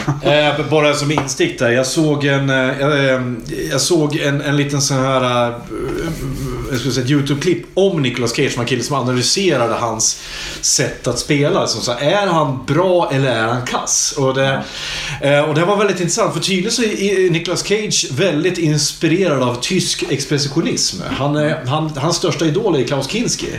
Till exempel. Och när, när när jag fick reda på det och jag såg eh, hur eh, Cage själv beskriver sitt skådespeleri så då gick det liksom, trillade liksom poletten ner. Ja, okej, jag fattar. För i tysk exp- expressionism så fanns det ingen det var inte poängen att man skulle vara subtil. Man skulle vara super, precis som du säger, skruva upp allting till 2000% liksom. Och, eh, och jag, jag får ju ge honom det, att han är ju aldrig ointressant att titta på Niklas. Man vet aldrig när det kan liksom gå fullständigt apeshit. Jag, sitter, jag såg en, en ganska ny film han gjorde. Han gör ju typ 15 filmer om året nu. Och en av dem kanske träffar rätt. Och då såg den här filmen Mandy. Som kändes som att det här tyckte den var bra. Jag älskade den. Och den kändes som att den var skriven... Så här, om David Lynch hade fått en, en lärjunge på schack i horrorgenren så, hade, hade, så var det den killen som regisserade den filmen. Ja, mörk. och bara, sl- bara släppte lös Nicolas Cage när han fick bara gå fullständigt bananas. Kan rekommendera den för alla. Jättefina färger, jättecoolt foto, cool musik och en Nicolas Cage som är fullständigt, för en gångs skull, eh, rätt castad. Ja, kul. Jag har faktiskt inte sett. Det var bra tips. Nej, kolla in den. Den kommer, du- den kommer du gilla. Jag såg också... Eh, sen har jag ju börjat tycka om filmer, jag, gamla filmer. Jag kommer ihåg... Vad heter den då? Moonstruck heter den. En film han gjorde med Cher. Där han också eh, ballar ur fullständigt. Mångalen på svenska Ja. va? Kiss of the Vampire som vi, som vi nämnde nyss också. Jag älskar den. Den är bland de roligaste filmer jag någonsin har sett. Handlar om en kille som tror att han håller på att bli vampyr. Eh, Ja, den är grym. Ja, fantastiskt rolig. Men ja, som sagt, Wild at Heart, eh, Heart. den tyckte du Eh, inte om då alltså? Jag, jag, jag tycker att den är okej, men Ja. jag tycker för att vara en lynch så tycker jag att nej. Eh, jag, jag har lite svårt, alltså. Det, det, det- känns som att David Lynch själv tycker att fan vilken cool film jag har gjort. Och Tror jag han tyckte jag- det på jag riktigt, eller? Ja, jag, det, för att den handlar väldigt mycket om det här när du spelar sig i södern, det är mycket, Ja. det är mycket ultraval, det är mycket Ja. kvinnor, det är mycket sprit. Det, är mycket, det blir- lite sådär, det blir, det blir, jag sitter och tycker att det är lite cringe emellanåt. Ja, han är- Det tycker jag inte med någon av hans andra filmer. Han, är- han är som en sån här farbror som helt plötsligt vänder kepsen bak och fram och tror att han är cool. Exakt, Ja. det är lite den feelingen jag får med det. Men många, många Lynch-fans tycker att det är hans bästa film. Så att det, det, det, man kan tycka olika. Men jag personligen känner, nej sådär. De har fel helt enkelt. De har fel och jag har rätt. Ja, ja. Det, Okej. Så är det. 1992, då kom eh, Twin Peaks-filmen. Precis. Han, eh, serien var avslu, avslut, avslutad. Slutade med en cliffhanger. Sista Ja. avsnittet i säsong två. En cliffhanger av Guds nåde. Jag ska inte avslöja någonting men... Eh, Avslöja. Det är ju så länge sedan. Nej, jag gör faktiskt inte det. För att eftersom det kommer en säsong tre sen här om året så kan det fortfarande vara folk som inte har sett den. Aha. Som vill. Men, men ehm, eh, han kände så här att jag vill avsluta Twin Peaks-sagan på mitt sätt. Jag tycker inte om, om riktningen som tv-serien tog Nej. när andra hade ansvaret. Nej. Så han beslutade sig för jag, jag ska avsluta Twin Peaks med tre, långfil, tre långfilmer. Och den, den, den första är dels en, den är både en sequel och en prequel. Den utspelar sig dels eh, med, eller, ja, den innehåller saker som anknyter till saker som har hänt i originalserien. Men till största delen utspelar den sig före händelserna i tv-serien. Ja. Så man får följa Laura Palmers sist, sista veckor i livet. Och Sherry Lee som då spelar Laura Palmer i några få scener i originalserien. Hon dör ju i första avsnittet. Sen eh, tyckte han så mycket om henne. Det är också en liten kul kort sidohistoria. Att han tyckte att hon var så bra. Och, men han hade ju haft ihjäl henne i första avsnittet. Ja. Eh, men han tyckte skådisen då som gjorde Laura Palmer var så bra. Så han skrev en roll till henne som Laura Palmers kusin. Som var med i Twin Peaks sen. Smart. Ja, Ja, med svart peruk som var Det är briljant. Ja, ja, det är, Det- är jättebra. Men i alla fall, här fick hon ju då spela Lau- Laura Palmer och vi, vi fick följa hennes sista eh, vecka i livet. Eh, ja, sista vecka är det nog. Och eh, en extremt ångestladdad film om eh, eh, incest och sexuella övergrepp. Ja. Eh, och jag tror att många som såg Twin Peaks och gillade det här, det är ju ganska mysig tv-serie mitt i allt det bisarra. Det finns ett inslag av, alltså, Ja. det, men många, Jo, men det är ju den här många som gillade, liksom. gillade såpaspekten Ja. av den och kunde Ja. kanske inte ta till sig våldet och surrealismen. Ja. Och de, de tyckte att filmen var full, alltså det fanns, det fanns överhuvudtaget ingen humor i den filmen. Den, den, är, den är nattsvart liksom. Fan. Så att när den hade premiär på filmfestivalen i Cannes så blev den utbuad fan. publiken och det var ju ändå konversörer liksom i Cannes. Och de buade ut den och filmen totalfloppade. Oj, Den ja. blev sågad i pressen. De tyckte att den var obegriplig och det kan man ju tycka vad man vill om med tanke på att det har det framkommit efter att många av recensenterna hade inte ens sett tv-serien. Ah, okej. Och då är det ju svårt att Men som förstår utomstående, någonting. som jag till exempel, som inte sett Ja. avsnitt med Twin Peaks. Du hade jag inte sett det. Nej, det tror jag inte. Jag hade inte fattat ett skit. Nej, jag, ja, det finns ändå folk. Jag vet att Sherry Lee, skådespelerskan som spelar Laura Palmer, har sagt att hon blir ofta, än idag, så många år senare, kontaktad av unga kvinnor som säger Tack för att du gör den här rollen. Du har berättat storyn om mitt liv. Åh fan. För att det här är precis så här det känns att bli utsatt för sexuella övergrepp av en person Ja, ja. Närstående till, till en. Och de demonerna som du fightas med eh, i den filmen är exakt de som jag fightas med hela mitt liv. Åh fy fan. Så att den, den har betytt väldigt mycket för folk och för oss Twin Peaks-fans är den ju som en jättestor pusselbit att lösa Ja. pu- pusslet. Men jag tror för att en, en person som kanske inte har de erfarenheterna av övergrepp eller som skiter fullständigt i Twin Peaks så, så är det en ganska obegriplig film tror jag. Okej, men den är mycket mörkare än vad film eller vad serien är. Okej. Den är, den, alltså, ja, jag skulle säga att den är svartare än de svartaste inslagen i tv-serien. Fy den är väldigt mörk. Ja. Och ganska surrealistisk. Och så att när den här floppar den här fil filmen också så... Eh, ja, nu är han ju inte liksom, nu är han inte sådär på god fot. Han försökte även, han Mark Frost försökte faktiskt göra en till tv-serie som hette On the Air och handlade om en eh, humorshow. Eh, och folk som jobbade bak, li, lite Saturday Night Live-stilen Okej. fast bakom kulisserna på en sån. Ja. Eh, Och tänk, ja, bara där, tänk om han hade fått regissera en film om Andy Kaufman. så hade det kunnat bli Lynch. jättebra. Ja.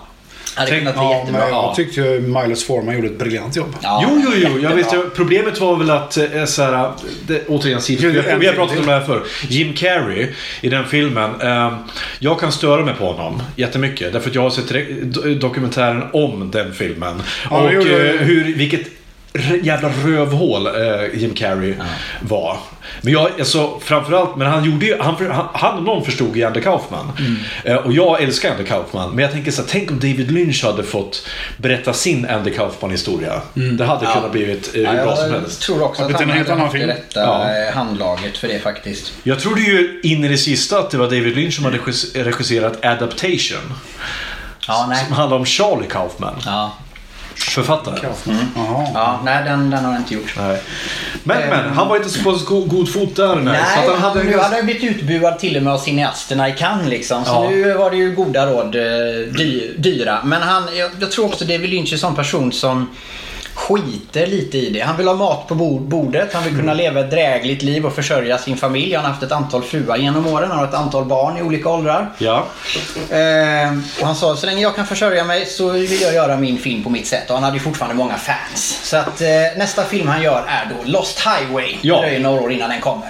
Den såg vi i tisdags va? I onsdags? tisdag så satt jag och eh, Ultra här och skulle researcha inför um, det här avsnittet och vi kollade på Lost Highway då.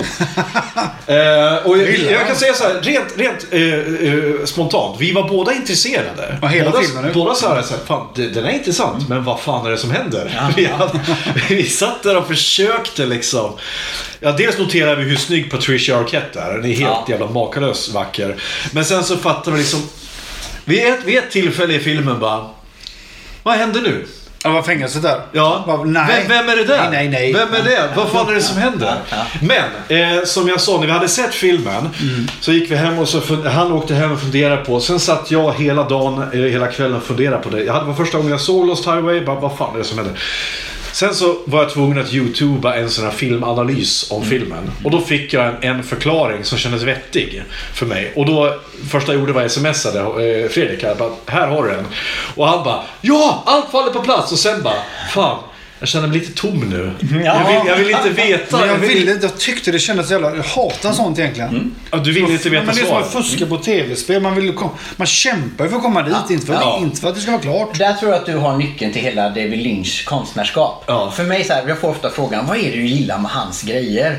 Det är ju resan jag gillar. Ja. Men man fattar inte, man får aldrig något svar. Att ni bara, men det är ju det jag gillar. Jag, jag brukar jämföra det med människor som gillar att åka en berg och dalbana. Ja. Jag, kan, ju- jag kan ju få förklarat för mig hur Balder är uppbyggd. Hur man spikar ihop en planka med Ja. en planka, bygger Ja. en räls, skjuter iväg den.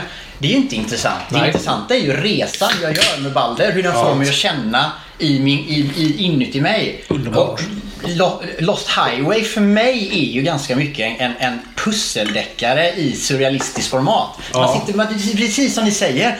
Fan jag vill ändå lösa det här jävla konstiga pusslet. Fast vill jag ändå det? Det, det Ja. finns ju en deckargåta att lösa. Ja. Vad fan, plingar han på hemma hos sig själv? Gör han det? Ja det gör han. Alltså, så här, eller, Ja. gjorde, eller gjorde han inte det? Drömde han det? Och vad, vad är det här jävla saxofon? Alltså så här, Ja, och vem är, och, alltså, va- vem- va- varför är hon med en gång till här nu för? Va, va, va, va, vet? Men när jag fick förklaring för mig precis att ah, det var skönt att jag kunde andas ut, nu förstod jag vad filmen handlade om. För alla lyssnare som inte sett den, för vi ska inte spoila än, men se den, för den, den är en upplevelse. Men jag för- ångrar att jag tog reda på svaret. Ja, jag, jag, För jag ville fan med se filmen igen och nysta ut det där. Men några av, av svaren som jag fick där, det var saker som jag var lite på spåret själv också. Ja. Eh, men jag tror att det är så här, det, det är något som är genomgående med hans filmer, att du måste se dem flera gånger. Alltså, ingen sätter den på volley första Nej, gången. Liksom, nej, utan du måste, du måste liksom ta det här och så måste du vara uppmärksam. För han, han tycker om att lägga ut små breadcrumbs i filmen märker Ja, jag. Liksom. ja. Ehm, och sen, så ska du, sen ska du tänka att nästan alla gånger så, så ska du alltid ifrågasätta om saker och ting är en dröm eller inte. mm, exakt. Ja, och det där var att jag gick in med den känslan när jag såg Blue Velvet. Ja. Och då bara...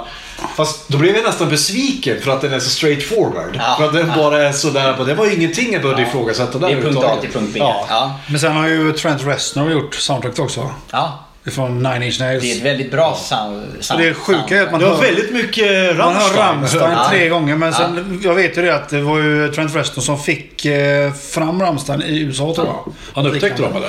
Ja, det tror jag inte men... Eh, Nej men filmen kom ju 97 och det var ju samma år som de släppte Sensuk. Så att, eh, precis. som de slog igenom med stort. Så att då hastade de här... Men Marilyn Manson och Twiggy var ju De med var i med filmen. i filmen. med i Ja. filmen. Ja, det är också så här helt... Jag De var bara, också rätt okända då. Ja. 97 har han släppt två skivor någonting med en sån. Ja, stämmer nog ja. Sen hade de släppt så många skivor då? Ja, jag hörde inte talas ju, om eh, dem förrän jag började på gymnasiet, 99. Nej, 98 slog de igenom med Mechanical Animals. Det var då de blev liksom mainstream. Publiken Just det. började... Men innan så kom ju den eh, Trent Reznor-producerade skivan. eh, Antichrist Superstar. Ja, så jävla vilken bra skiva. Ja, den är bra. Ja. bra. Det är faktiskt enda skivan jag gillar med Manson. Ja, just det. Men Lost Highway blev väl en succé? Ja, bland, bland de som gillar sån typer av film. Men succé är ju... Hamnade han En i, i god, eh, god jord med sina fans igen i alla fall? Ja, men det skulle jag nog säga att han Ja. var. Eh, det, det var ju en, en, en film som blev, fick, fick bra kritik och liksom folk blir nyfikna på vad det här är för någonting. Så då väljer han att göra någonting helt annat i nästa film. Han tar, plockar bort all surrealism, all gåta. Han gör en helt rak, enkel road movie eh, om en, eh, som bygger på en sann historia om en gammal man som lever ensam med sin lätt förståndshandikappade dotter på en farm i djupaste mellanvästern. Och eh, får höra via ombud att hans bror som bor i eh, delstaten bredvid, alltså ganska långt därifrån, är döende. De har inte pratat med varandra på om det är 30 eller 40 år, kommer jag inte ihåg. Men han säger att jag, då för att de, eh, de råkade in i ett bråk. Och han sa att om min bror är döende så måste jag hälsa på honom en sista gång. För jag kan Ja. inte, jag måste få prata ut med honom innan, innan, han dör. Ja. Men han vet inte hur han ska ta, ta sig dit. Han är gammal, han har ingen körkort. Så han sätter sig på sin gräsklippare som går i 5 km i timmen och beslutar sig för att jag ska åka till min bror som bor...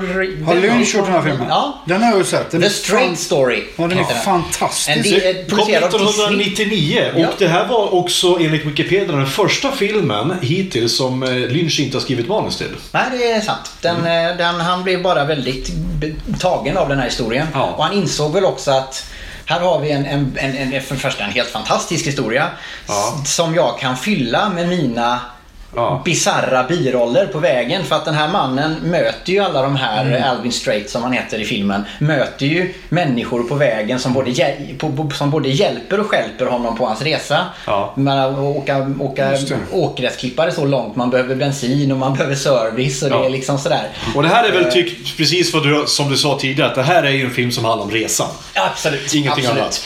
Och det finns en väldigt rolig historia som jag hörde Filip och Fredrik berätta om här. Det är en, det är en rolig historia som, eh, som florerar i Stockholms nöjesliv. Att när den här filmen hade premiär 1999 mm. Eh, så eh, hade den galapremiär på, i, i Stockholm då. Det är väl på, eh, vad heter den, eh, stora gala bion i Stockholm. Rigoletto eller någonting. Rigoletto Ja. eller någonting. Och då var det så här klassisk se och hör inbjudning då. Folk kommer dit, folk kommer dit för att de vill ha gratis drinkar och de vill bli fotade för se och hör. Och, så, och sen så kollar de på filmen och sen vill alla vill egentligen bara därifrån för de är lite smålulliga. Så vill de sätta sig på bussen och åka ut på efterfesten eh, på, på, på Djurgården. Det är, liksom, det är det de vill Fan, göra. hemskt. Så alla satt egentligen och led sig igenom The Straight Story. De flesta tycker att det var ganska tråkig. Svullo satt längst fram och skrek Åh, Arne Weise! Åh, kolla! Harry Brandelius! Och någonstans där i, i, i, i, vad heter det, i publiken sitter Johan Promell som är Nej. han är Dolph Lundgrens manager Ja. och en känd eh, tv-producent i Sverige. Han, har- ja, han har ganska många i sitt management. Och han skriker helt plötsligt då ut kan ingen ge gubbjäveln skjuts? varpå, hela, varpå den här spänningen släpper för ingen har vågat säga någonting. Alla tycker att den är ganska tråkig, för ingen är där för att... Så här, så här, filmen är sä- säkert jättebra, men ingen är ju där för att se filmen. De vill bara supa. Och då börjar alla garva och sen blir filmen jättekul, för då sitter de bara och kommenterar filmen allihopa eh, eh, på slutet där. Men jag såg The Straight Story när jag gick på, eh, eh, på gymnasiet. Film, vi hade någonting som heter Biokontrast. Varje torsdag skulle vi åka iväg och se en film som ingick på lektionstid. Liksom. Och så skulle vi prata om den och skriva en analys om det och så vidare. Och då såg vi The Stray Story och jag tyckte den var fucking awesome. Ja, den är det är helt jävla Ja, det är superbra. Slutscenen i filmen, så vi ska inte spoila vad som händer, men, men det, det är en, alltså, den tar mig lika mycket Ja, varje, ja. varje gång. Det är, det är så bra skådespeleri av Richard Farnsworth och Harry Dean Stanton. Eh, Den, den, jag har sett filmen hur många gånger som helst, jag blir lika tagen varenda gång jag ser den. Harry Dean Stanton gick ju bort för något år sedan här nu, Ja. så att det var ju också... En annan Lynch re- regular, han är med i jättemånga av David Lynch Ja. filmer. Ja, nej men så att den var, och eh, den kan man säga, den var väl, jag vet inte hur den gick kommersiellt, men det känns Ganska väl- bra. Eh, Den är ju den är producerad av Disney faktiskt, eller de som äger rättigheterna till, Ja. till den. Eh, Så att den har varit lite sådär, den har varit lite småknivig att få tag på i bra version faktiskt. Ja. Den har inte legat ute på mycket streamingtjänster. Det var, den, den är fortfarande inte utgiven på riktigt på Blu-ray faktiskt. Bara i Japan av någon anledning. Vad fan vad konstigt. Den är, ja, det, Disney är knepiga med rättigheter. Det, det är något skit där. Jag vet inte vad som det har skurit sig Ja, men man ska ju han inte ladda ner Disney-filmer liksom. Nej, det är inte så smart. Eh, så eh, ja, Ja. men det, det, det är en bra film. Eh, Och efter den så hade han en två år hiatus och sen Mm. så kommer då den filmen som jag på riktigt blir förbannad bara jag tänker på. Och jag Mm. känner så här, äntligen, nu har jag ändå sett Lost Highway och jag är beredd att förlåta honom. Jag är beredd att ge den här filmen en chans till. Den heter Mulholland Drive. Ja, den har också sett. ökänd inom vi som inte förstår David Lynch-kretsar. Därför att jag har, det här för övrigt har jag den roligaste historien om just den här filmen. Som jag berättat i tredje part. Min kompis eh, min kompis eh, bodde i Uppsala och bodde hemma hos sin kusin. Han kommer hem från jobbet och så kommer han in och så ser han eh, eh, vet du, sin kusin sitta i soffan och kolla på film. Ja, vad kollar du på då? Ja, men Holland Drive, det är någon lynchfilm. Jaha, hänger du med än så länge då? Ja då, än så länge är, är det fine. Eh, Samuel, förrädisk på det sättet. Ja, Ja. Samuel, Samuel på, min kompis, då, han går in på sitt rum och han, han ja, tar, går och tar en dusch, sätter sig och spelar dator, tar lite kaffe. Så kommer han förbi nå- 40 minuter senare och frågar hur går det nu då? Eh, Så här, "Är- är du med fortfarande? Varpå hans kusin skriker Du! Det finns kanske två personer på jorden som vet vad fan den här filmen handlar om och det är inte säkert att David Lynch är en av dem. Eh, så, men jag, jag kan säga att jag har försökt. Jag har inte sett filmen från början till slut. Jag har sett den i fragment. Jag har sett hela. Har du sett hela? Kniv, knivigare och Kan du bara ge ett, ett snabb synopsis om vad den här filmen handlar om? Men Kör du. Nej, alltså så det var så länge sedan. Och jag, jag, kan säga, jag kan inte säga vad det handlar om för att jag fattade hela filmen fram till en och en halv timme. Exakt. Men sen så kom det en sån psycho-twist till den här filmen. Jag bara, men nej! De byter identitet med varandra. Och det är där folk eh, försvinner liksom. Ja. Men, men, men dra, huvudpersonerna byter identitet Om de gör det man tillsammans med en scen som är ganska kontroversiell. Ja, ja. En sån superläcker läspscen liksom. ja.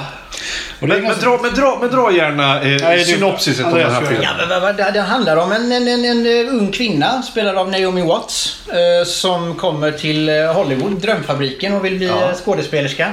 Och hamnar ra, rakt in i ett, eh, en annan kvinnas elände kan man väl säga. Någon slags my, my, mystisk kvinna, inte helt olik Isabella Rossellinis karaktär i Blue Velvet. Som, som eh, var är i trubbel på något sätt och hon inser att men jag måste ju försöka hjälpa den här kvinnan Ja. på olika sätt. Eh, och sen brakar surrealismen lös. Liksom. Det, det är egentligen, egentligen är det inte så mycket mer handling än så. Eh, det här är ju en film som jag älskar den. Eh, men den, den är, jag tror att Hur många gånger har du sett den? jag har sett, den har Cirka? jag inte sett så många. Tio? Nej, för fan. Jag har nog bara sett den tre gånger kanske. Okej. Men grejen med, grejen med Mulholland Drive är att, att, att, att den, det, problemet- det, det som gör att folk blir så provocerade av den, det tror jag är dels att Lost Highway, man kan, det är ändå två jämförbara filmer. Det är två mysteriefil, surrealistiska mysteriefilmer.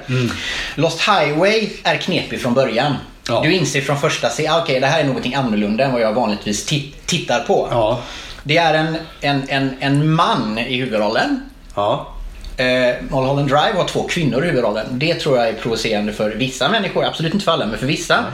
Jag tror också att Mulholland Drive lurar en så himla länge att det är en helt vanlig film. Ja, en ja, det var det som var Och sen så problemet. pang vaknar hon upp en morgon och är sin kompis. Ja. Och det är där någonstans då det börjar fucka upp för folk. Och det är då de blir förbannade för att de tror att de ska få se någonting helt annat. Men det är ju samma röst och därför har de inte bytt röster va?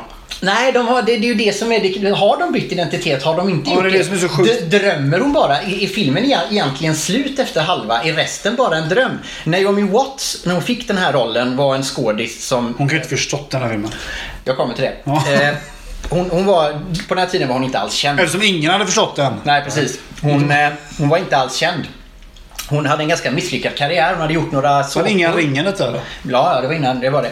Hon hade gjort lite såpor, hon hade gjort lite sådär eh, kvinna nummer ett i ett avsnitt av eh, typ Special Victims Unit. Ja, alltså ja, den ja. nivån på karriär hade hon och hade faktiskt funderat på att sluta som skådis. Jaha. David Lynch får se henne i någonting, oklart vad. Eh, Eller om hon bara dyker upp på något ca- castingkort, det, vet- det vet jag faktiskt inte. Och till den här kvinnan ska jag ha som den oskyldiga eh, den oskyldiga eh, drömmande kvinnan i min nästa film. Han bara faller för henne pladask. Okej. David Lynch när han har auditions för folk så betyder det att han sitter och snackar med dem i en halvtimme. Ja. Om ditt, som vi gör nu. Han Ja. sitter och snackar om ditten och datten eller något ämne de tycker är kul. Sen bestämmer han sig för om den här personen, personen ska få rollen eller inte. Han har aldrig någonsin provfilmningar. Aldrig eh, överhuvudtaget. Det är coolt. Ja. Ja. Han bestämde sig för att han ville ha Naomi Watts i den här rollen. Och hon då som hade gjort ganska plain grejer innan och sa att jag kan inte förhålla mig till den här filmen för jag förstår absolut ingenting. Nej. Precis som du säger. Men hon sa bara så här. Jag gick in i det som att alltihop är en dröm. Då, kunde, då kunde jag göra rollen och jag kunde spela scenen. Jag kunde göra det David bad mig att göra.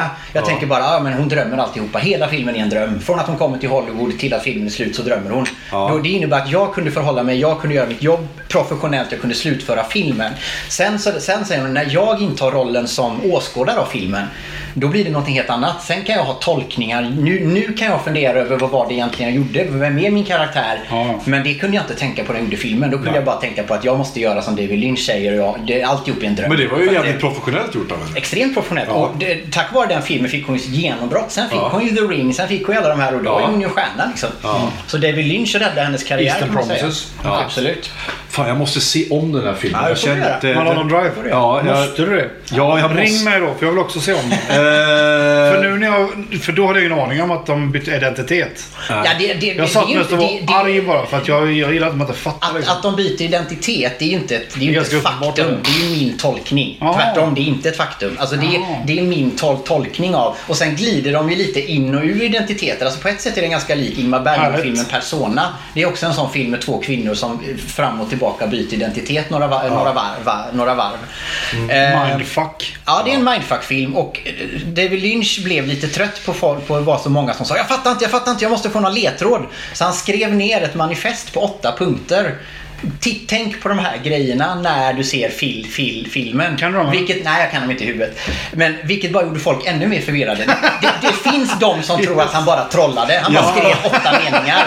Som inte hade någonting med någonting att göra. Det finns de, de som har tolkat det här och Ja. bara, jo men det här är det och det och ja, det finns alltid sådana människor. Men, men det, det kan också vara att han bara, jag bara Men fy fan, tänk, alltså, tänk att ha den makten över folk. Att du kan skriva ner lite Ja, men skit. som du säger, det tror fan han är trollar honom. Ja, men alltså jag säger, jag, jag, om jag vore David Lynch så hade jag fan med velat trolla. För att liksom bara, Jesus Christ, jag har ju målat en tavla, titta på den. Ja. Måste, jag, för- måste jag förklara vad tavlan handlar Det är om? ju liksom? res, det går, nu går vi tillbaka till det. Det är Ja. resan som är grejen. Det, det är ju inte liksom att fa- alltså så här, ja. Vi, kom, vi börjar närma oss Ja, slutet absolut, på det hans eh, hittills eh, filmkarriär. Efter, efter Mulholland Drive så kommer Inland Empire, Ja. hans sista långfilm. Har jag aldrig hört talas om. Nej. Jag. Eh, det ska du vara glad för Andreas, för jag tror att där har du en film som du verkligen hade hatat. Okej. Om du tänker dig en blandning av Mulholland Drive och Lost Highway, Mm. fast ännu konstigare och filmad med skakig handkamera.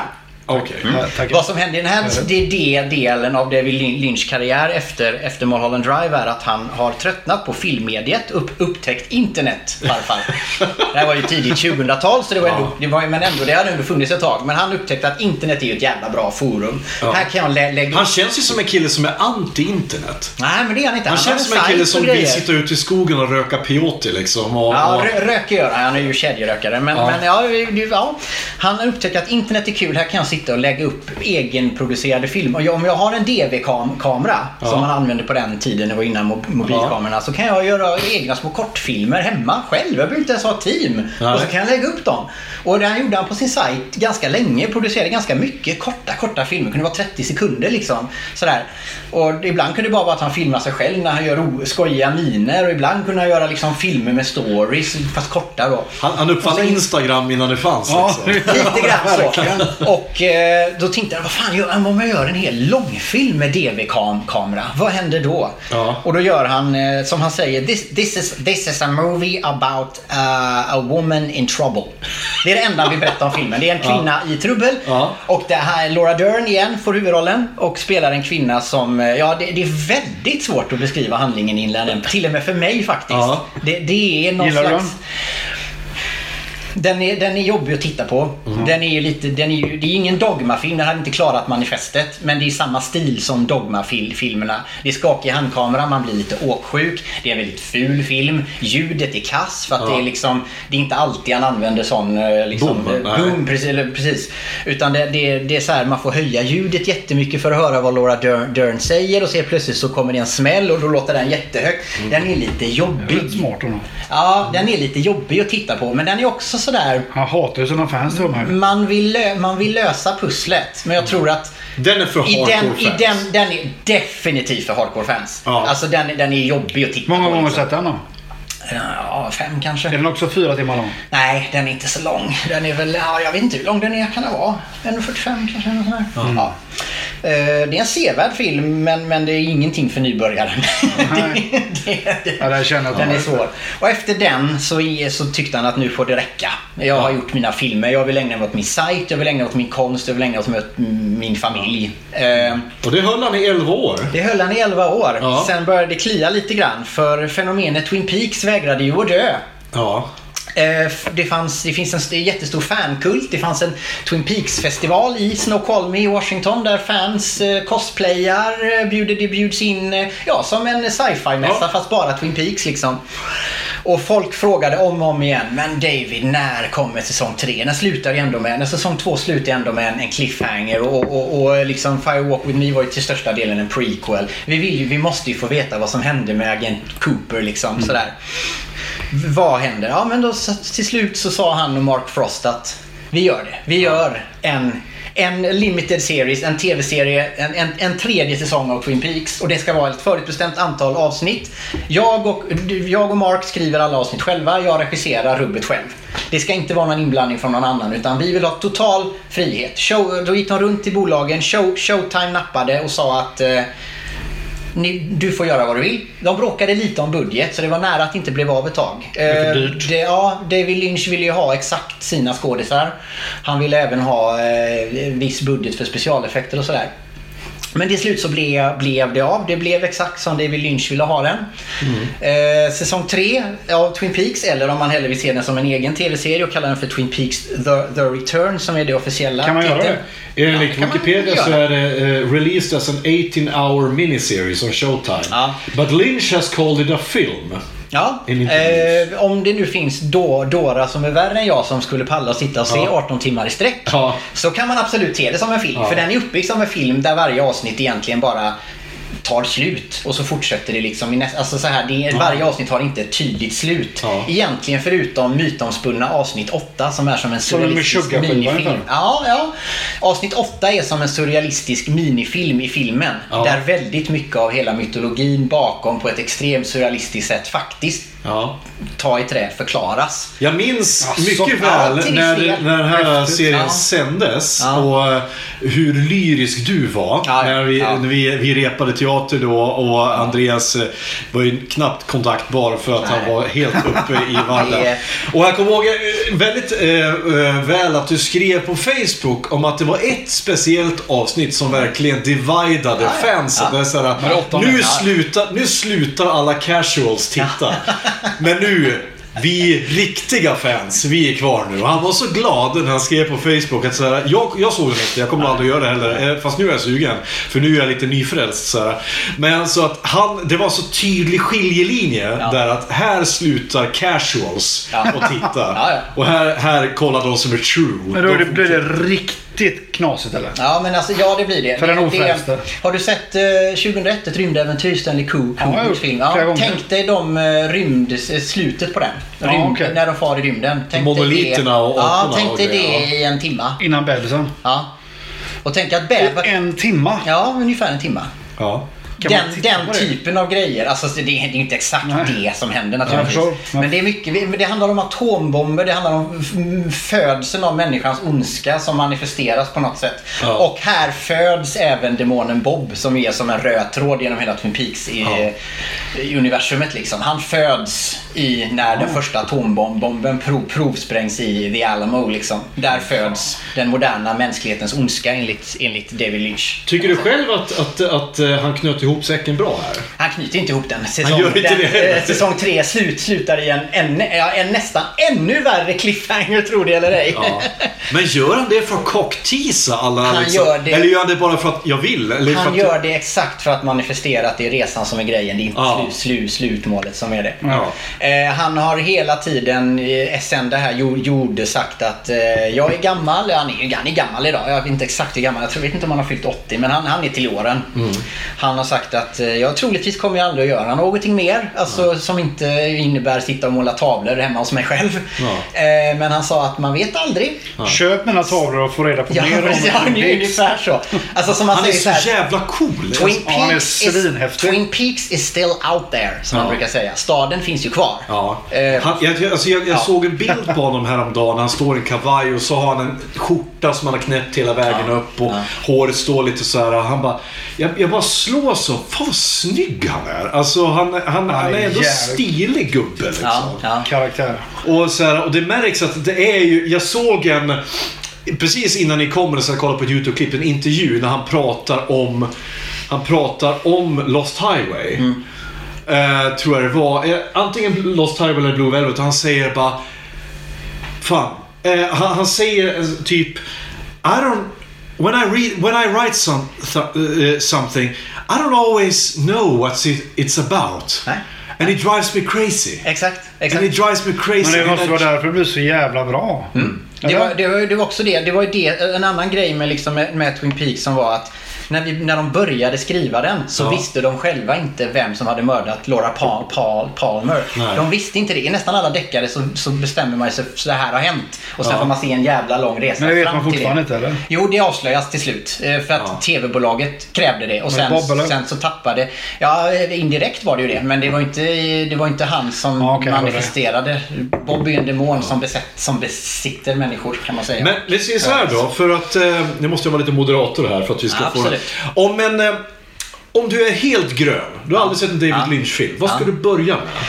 Om du vill upptäcka konsten, om du vill börja. Om, om, man är, va- om, man, om man vågar kasta sig handlöst ut så tycker jag man ska börja med Eraserhead. För att en, Ja. en bättre programförklaring av surrealistisk film, filmkonst än den, det finns inte. Det Tror du inte man skrämmer bort Det är folk den bästa, ja det är möjligt, Ja. men då kommer man inte att gilla resten heller. Nej, nej, okej. Alltså så här, Jag tänker man skulle ta stegrare lite Stegra grann. lite. Börja med ja, men då är, ju, då är ju The Elephant Man bäst att börja med. Ja, det är ändå en, en rak, enkel film som ändå har vissa surrealistiska scener. Ja. Elefanterna som trampar ner m- m- människor. Ja, den innehåller ändå vissa drömsekvenser och sådär som är Ja. ganska skruvade. Straight Story kan man ju börja med, men den, det är egentligen en så olynsk film att Ja. den knappt är en David Lyn- Lynch-film för att den är så oerhört Ja, den ska man Jag se lite senare. om Och så ska man bli, snarare bli överraskad av att det här är David Lynch som är Ja, ja, precis. Men jag, men jag skulle nog säga att, eh, det är som du säger, börja med Elefantmannen, ta Blue Velvet sen. Ja. Och, och sen kanske in med något lite mer skruvat. Ja, sen kanske ja, Eraserhead. ja, okej. Mm. Eh, och ta Mulholland, Mulholland Drive sist. när, när du är... Nej, ta, ta Inland Empire sist. Ja, men när du är riktigt Mulholland Drive är marinerad. jävligt snygg. Jag tittade Ja, på det det. var samma som Lost Highway. Jag tyckte den var intressant hela vägen men jag, jag irriterade mig på den. Ja. Jag blev inte irriterad när jag tittade på Lost Highway. Den var, blev bara mindfuckad. Jag, jag, var, var i många år som jag blandade ihop den. Jag trodde att det var han som hade regisserat filmen Bound. Kommer du ihåg den? Ja, ja. Med Nej, Jennifer väl, Tilly eh, och- Wachowski-syskonen va? Som gjorde The alltså. Matrix. Ja. Ja, Ja. för att jag hade för mig att det var samma Innan element Matrix. där. Mm. Det var också två så lesbiska eh, sexscener och det var väldigt mycket sånt där. Och, eh, ja. men, men i alla fall, jo det är en sak som jag, eh, jag vill gärna, innan vi knyter ihop säcken här på det här avsnittet. Berätta om din resa till, eh, till Twin Peaks. Min resa till Twin Peaks. Ja. Ja, den där fysiska Ja. resan. Ja. Okej, ja. Vad hände där? Ehm, när vi hade beslutat oss för att vi, vi, när vi åker ut och reser, jag och min eh, sambo, så vill vi, vi, vi ty, tycker om att åka till lite udda platser där, som inte liksom är så sönderturistade totalt. Liksom, sådär. Eh, och vi, vi ville gärna åka till USA. Och vi kände så här också att ur miljösynpunkt att eh, flyga så lite som möjligt. Och när vi flyger då ska det vara någonting dit vi verkligen vill åka. Inte bara flyga för fan det är gött att komma bort en vecka på sommaren. Då kan vi åka till någon stuga i Sverige liksom. Ja. Utan vi, ska vi flyga då ska det vara ett drömresmål. Vart vill vi åka? Och vi är båda gigantiska Twin Peaks-fans. Och vi visste, vi hittade en snubbe på nätet som hade guidade turer av inspelningsplatserna. Exteriörerna såklart. Interiörerna har ju filmats i en studio så är det ju. Ja. Men exteriörerna har ju filmats i den här två små städer då, Snoqualmie och North Bend som ligger så det är fyra mil utanför Se- Seattle. Och vi kollade upp det här och vad fan Seattle, stor amerikansk stad, inte så jävla sönderturistad, ligger långt norrut, man slipper de värsta rednexen. Ja. det är liksom så här ganska li- liberal Seattle. stad. Liksom. Seattle, ja. Är Så vana milt klimat också tänker jag där ute. Milt klimat, det är ungefär som i Sverige. Ingen av oss är några soldyrkare sådär. Så att sven, sommaren i Seattle är Ja, ungefär som sommaren i fan Sverige. Liksom. Ja. Jag håller med. Ja, så vi kände att vad fan, Seattle och så upplever vi det här. Och eh, det gjorde vi. Vi höll, tyvärr så, det, det, ja, då, man, man åker inte kollektivt i USA fick vi reda på. Det är fattiga och studenter som gör det. Jaha. Man åker taxi i USA. Men Okej. vi tänkte att överallt där vi annars har åkt så har vi åkt kollektivtrafik. Ja. Vi tycker det är nice. Det är ett sätt att uppleva den lokala kulturen. Att Ja, åka visst. buss och tåg och spårvagn och, Ja. och sådär. Och vi tänkte vi ska åka, det här var andra dagen vi, vi, vi var där som vi skulle på den här to, touren. Vi tänker vi åker buss till, liksom, till där vi skulle bli upplockade av den här snubben då. Det var ju bara att bussarna går, det finns, liksom, det finns en, ti, en tidtabell men det är inte så jävla noga. Nej. fan. Man ska Och det stå var där och chansa, liksom. Ja, men Ja. det var lite och vi stod på fel busshållplats och vi höll ju på att missa. Så hade vi väntat fem minuter till så var vi tvungna att åka för det var ju ett par till som var med i den här touren då. Han, han Ja. kör omkring i en sån lite större Ja. ja. stadsjeep och så får man se på in, man, han hissar ner en fin sån här skärm och så fick man kolla på scener. Nu ska vi åka till det här stället, här i Twin Peaks. Hatar du sånt? Ja, och så, vad, vad sa du? Hatade du detta? Jag hatar det. Nej men jag menar att du hatar den här typen av guidning. Nej, i det här fallet var Här det bra. slår vi in Ghostbusters, här slår in Ja, fast i det här fallet var det nästan nö, nödvändigt för inspelningsplatserna var så otroligt utspridda. Alltså de var utspridda och det, var, det kunde vara en mil emellan liksom. Jag förstår. Eh, men det var, det, var, eh, det, var, det, var, det var som att kliva in i Twin Peaks. Alltså hela d- Snoqualmie känns verkligen som Twin Peaks. Alltså Okej. så här, människorna och att, att, att natur, alltså naturen Men är staden där? Exteriören alltså? Ja, eh, det, det mesta finns kvar. Det Okej. finns några få ställen. Några ställen var filmade i Seattle och på andra som vi inte Mm. åkte till för det var för långt liksom. Men väldigt mycket av så här man, vi var där liksom. Vi satt på parkbänken där Harry Dean Stan Stanton får en surrealistisk uppenbarelse och vi var vid vattenfallet, vi var vid hotellet, vi var alltså överallt det här. Och man vända ställe man klev ut så var det bara I'm here, I'm in Twin Peaks. Det måste vara liksom. så uppenbarelse när du var där. Liksom. Det var otroligt mäktigt. Alltså det var, och dessutom att naturen suger musten ur den. Den, den är helt, alltså det går inte att beskriva den naturen. Det är de här bergen som går ända, nästan ända upp till molnen. Det är Mm. träd, enorma träd hela vägen upp. Det, det, man blir nästan religiös när man är Mm. där. Alltså det, det, det går inte att beskriva riktigt. Det, var, ja, det, det, var värt, det kostade skjortan den här to, touren. Det var hur dyr, dyr, dyrt som helst. Men det var värt varenda krona. Jag tror vi gav typ 5000 spänn för två personer. Sånt där. Det var helt sinnes liksom. Men det var värt varenda krona. Jag kunde betala det, det dubbla alltså. Goes without saying att det är ett resmål du rekommenderar. Ja, det skulle, gillar man Twin Peaks så ska man absolut åka Ja. dit. Utan tvekan. Och gillar man natur så är det Det är jättefint. Absolut. Men var det inte någon rolig historia du berättade om någon som hade dött där? Någon mord? Jo, eh, när vi vandrar omkring i skogarna där utanför Snoqualmie runt till eh, skogsexteriörscenerna liksom. Så, oh by the way förresten säger Guy, guiden, det var här Ted Bundy gräv, grävde ner sina första offer. Yay! Och vi bara, Gamle Ted. Wow, man bara, men, men här liksom? Ja, ja, ja, han bott där ett tag i Snoqualmie. Ja. Och det är så här, ja det är ju det, Snoqualmie är känt för två saker. Det är Twin Peaks och Ted Bundy och ja, de flesta föredrar ju Twin Peaks. jag kan tänka mig det. Ja. Ehm, vi måste runda av här lite grann. Men är det någonting så, slut... eh, känner du att du har fått säga det du Ja. vill säga om, eh, om eh, David Lynch? Jag skulle avsluta med min favoritanekdot. Den är Ja. ganska kort. Eh, det är någon som, jag kommer faktiskt inte ihåg vem, vem som berättar den. Det är på extra materialet till en Blu-ray-utgåva av Blue Velvet. Och nå- någon, om det är hans regiassistent eller någon kameraman, någon berättar i alla fall för honom den här anekdoten. Jag vet inte om du kommer ihåg den Andreas när du såg den, men i, i slutscenen så är det en extremt ful konstgjord fågel med. Ja. Ja. Ja. Så man bara, men va? Den är jätteful. Ja. Och David Lynch kom på när de skulle spela in slutscenen att I want a bird in this scene. Och det var, men vi ska filma imorgon David. Ja. Så här, det, då måste vi kontakta eh, såna här, det, det, det är ju ganska speciellt de är levande djur i film. Ja. Vi ska ju gå igenom the American Humane Society och det ska vara någon, ja, det, Ja, det, det kostar och det tar tid liksom. Ja. Ja, can, can't, can't you make a bird? ja, okej. Ja, vi, vi, går in och de gör en fågel. Bara, det här är, det här är katastrof. Fågeljäveln är så ful så det, det är ju helt, alltså det här, det här är, ingen kommer köpa det här. Men vi får ta det till David. Han ville ha en fågel. Vi har, vi har gjort det bästa vi kan. Så får han säga att det är skit och vi struntar i den scenen liksom. Och så får han fågeln och så tittar han på den. Okej, let's shoot. Och de bara, men va? Han kan, han, kan ju inte, han kan inte vilja filma den här fågeln. Okej, men vi filmar den och så får vi klippa bort det sen i, i liksom så här. Och han filmar och det är människor med i scenen och de bara, vad fan skådisarna, vad är det för jävla fågel? Hur stor är den då? Ja, det- är en liten fågel.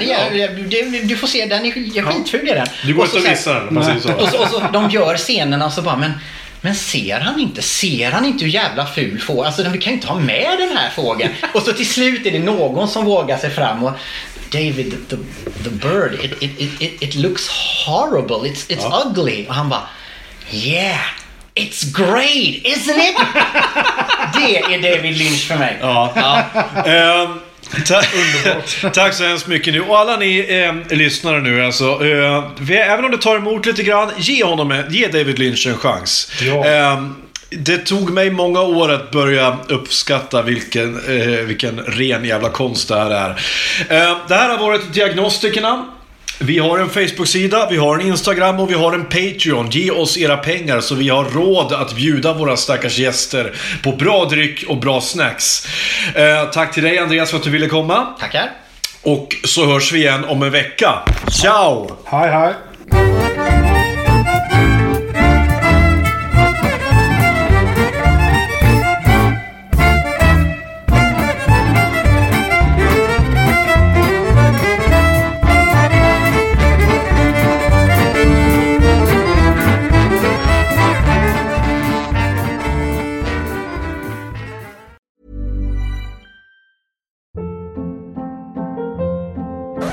Hold up. What was that? Boring. No flavor. That was as bad as those leftovers you ate all week. Kiki Palmer here, and it's time to say hello to something fresh and guilt-free. Hello Fresh. Jazz up dinner with pecan-crusted chicken or garlic butter shrimp scampi. Now that's music to my mouth. Hello Fresh. Let's get this dinner party started. Discover all the delicious possibilities at hellofresh.com.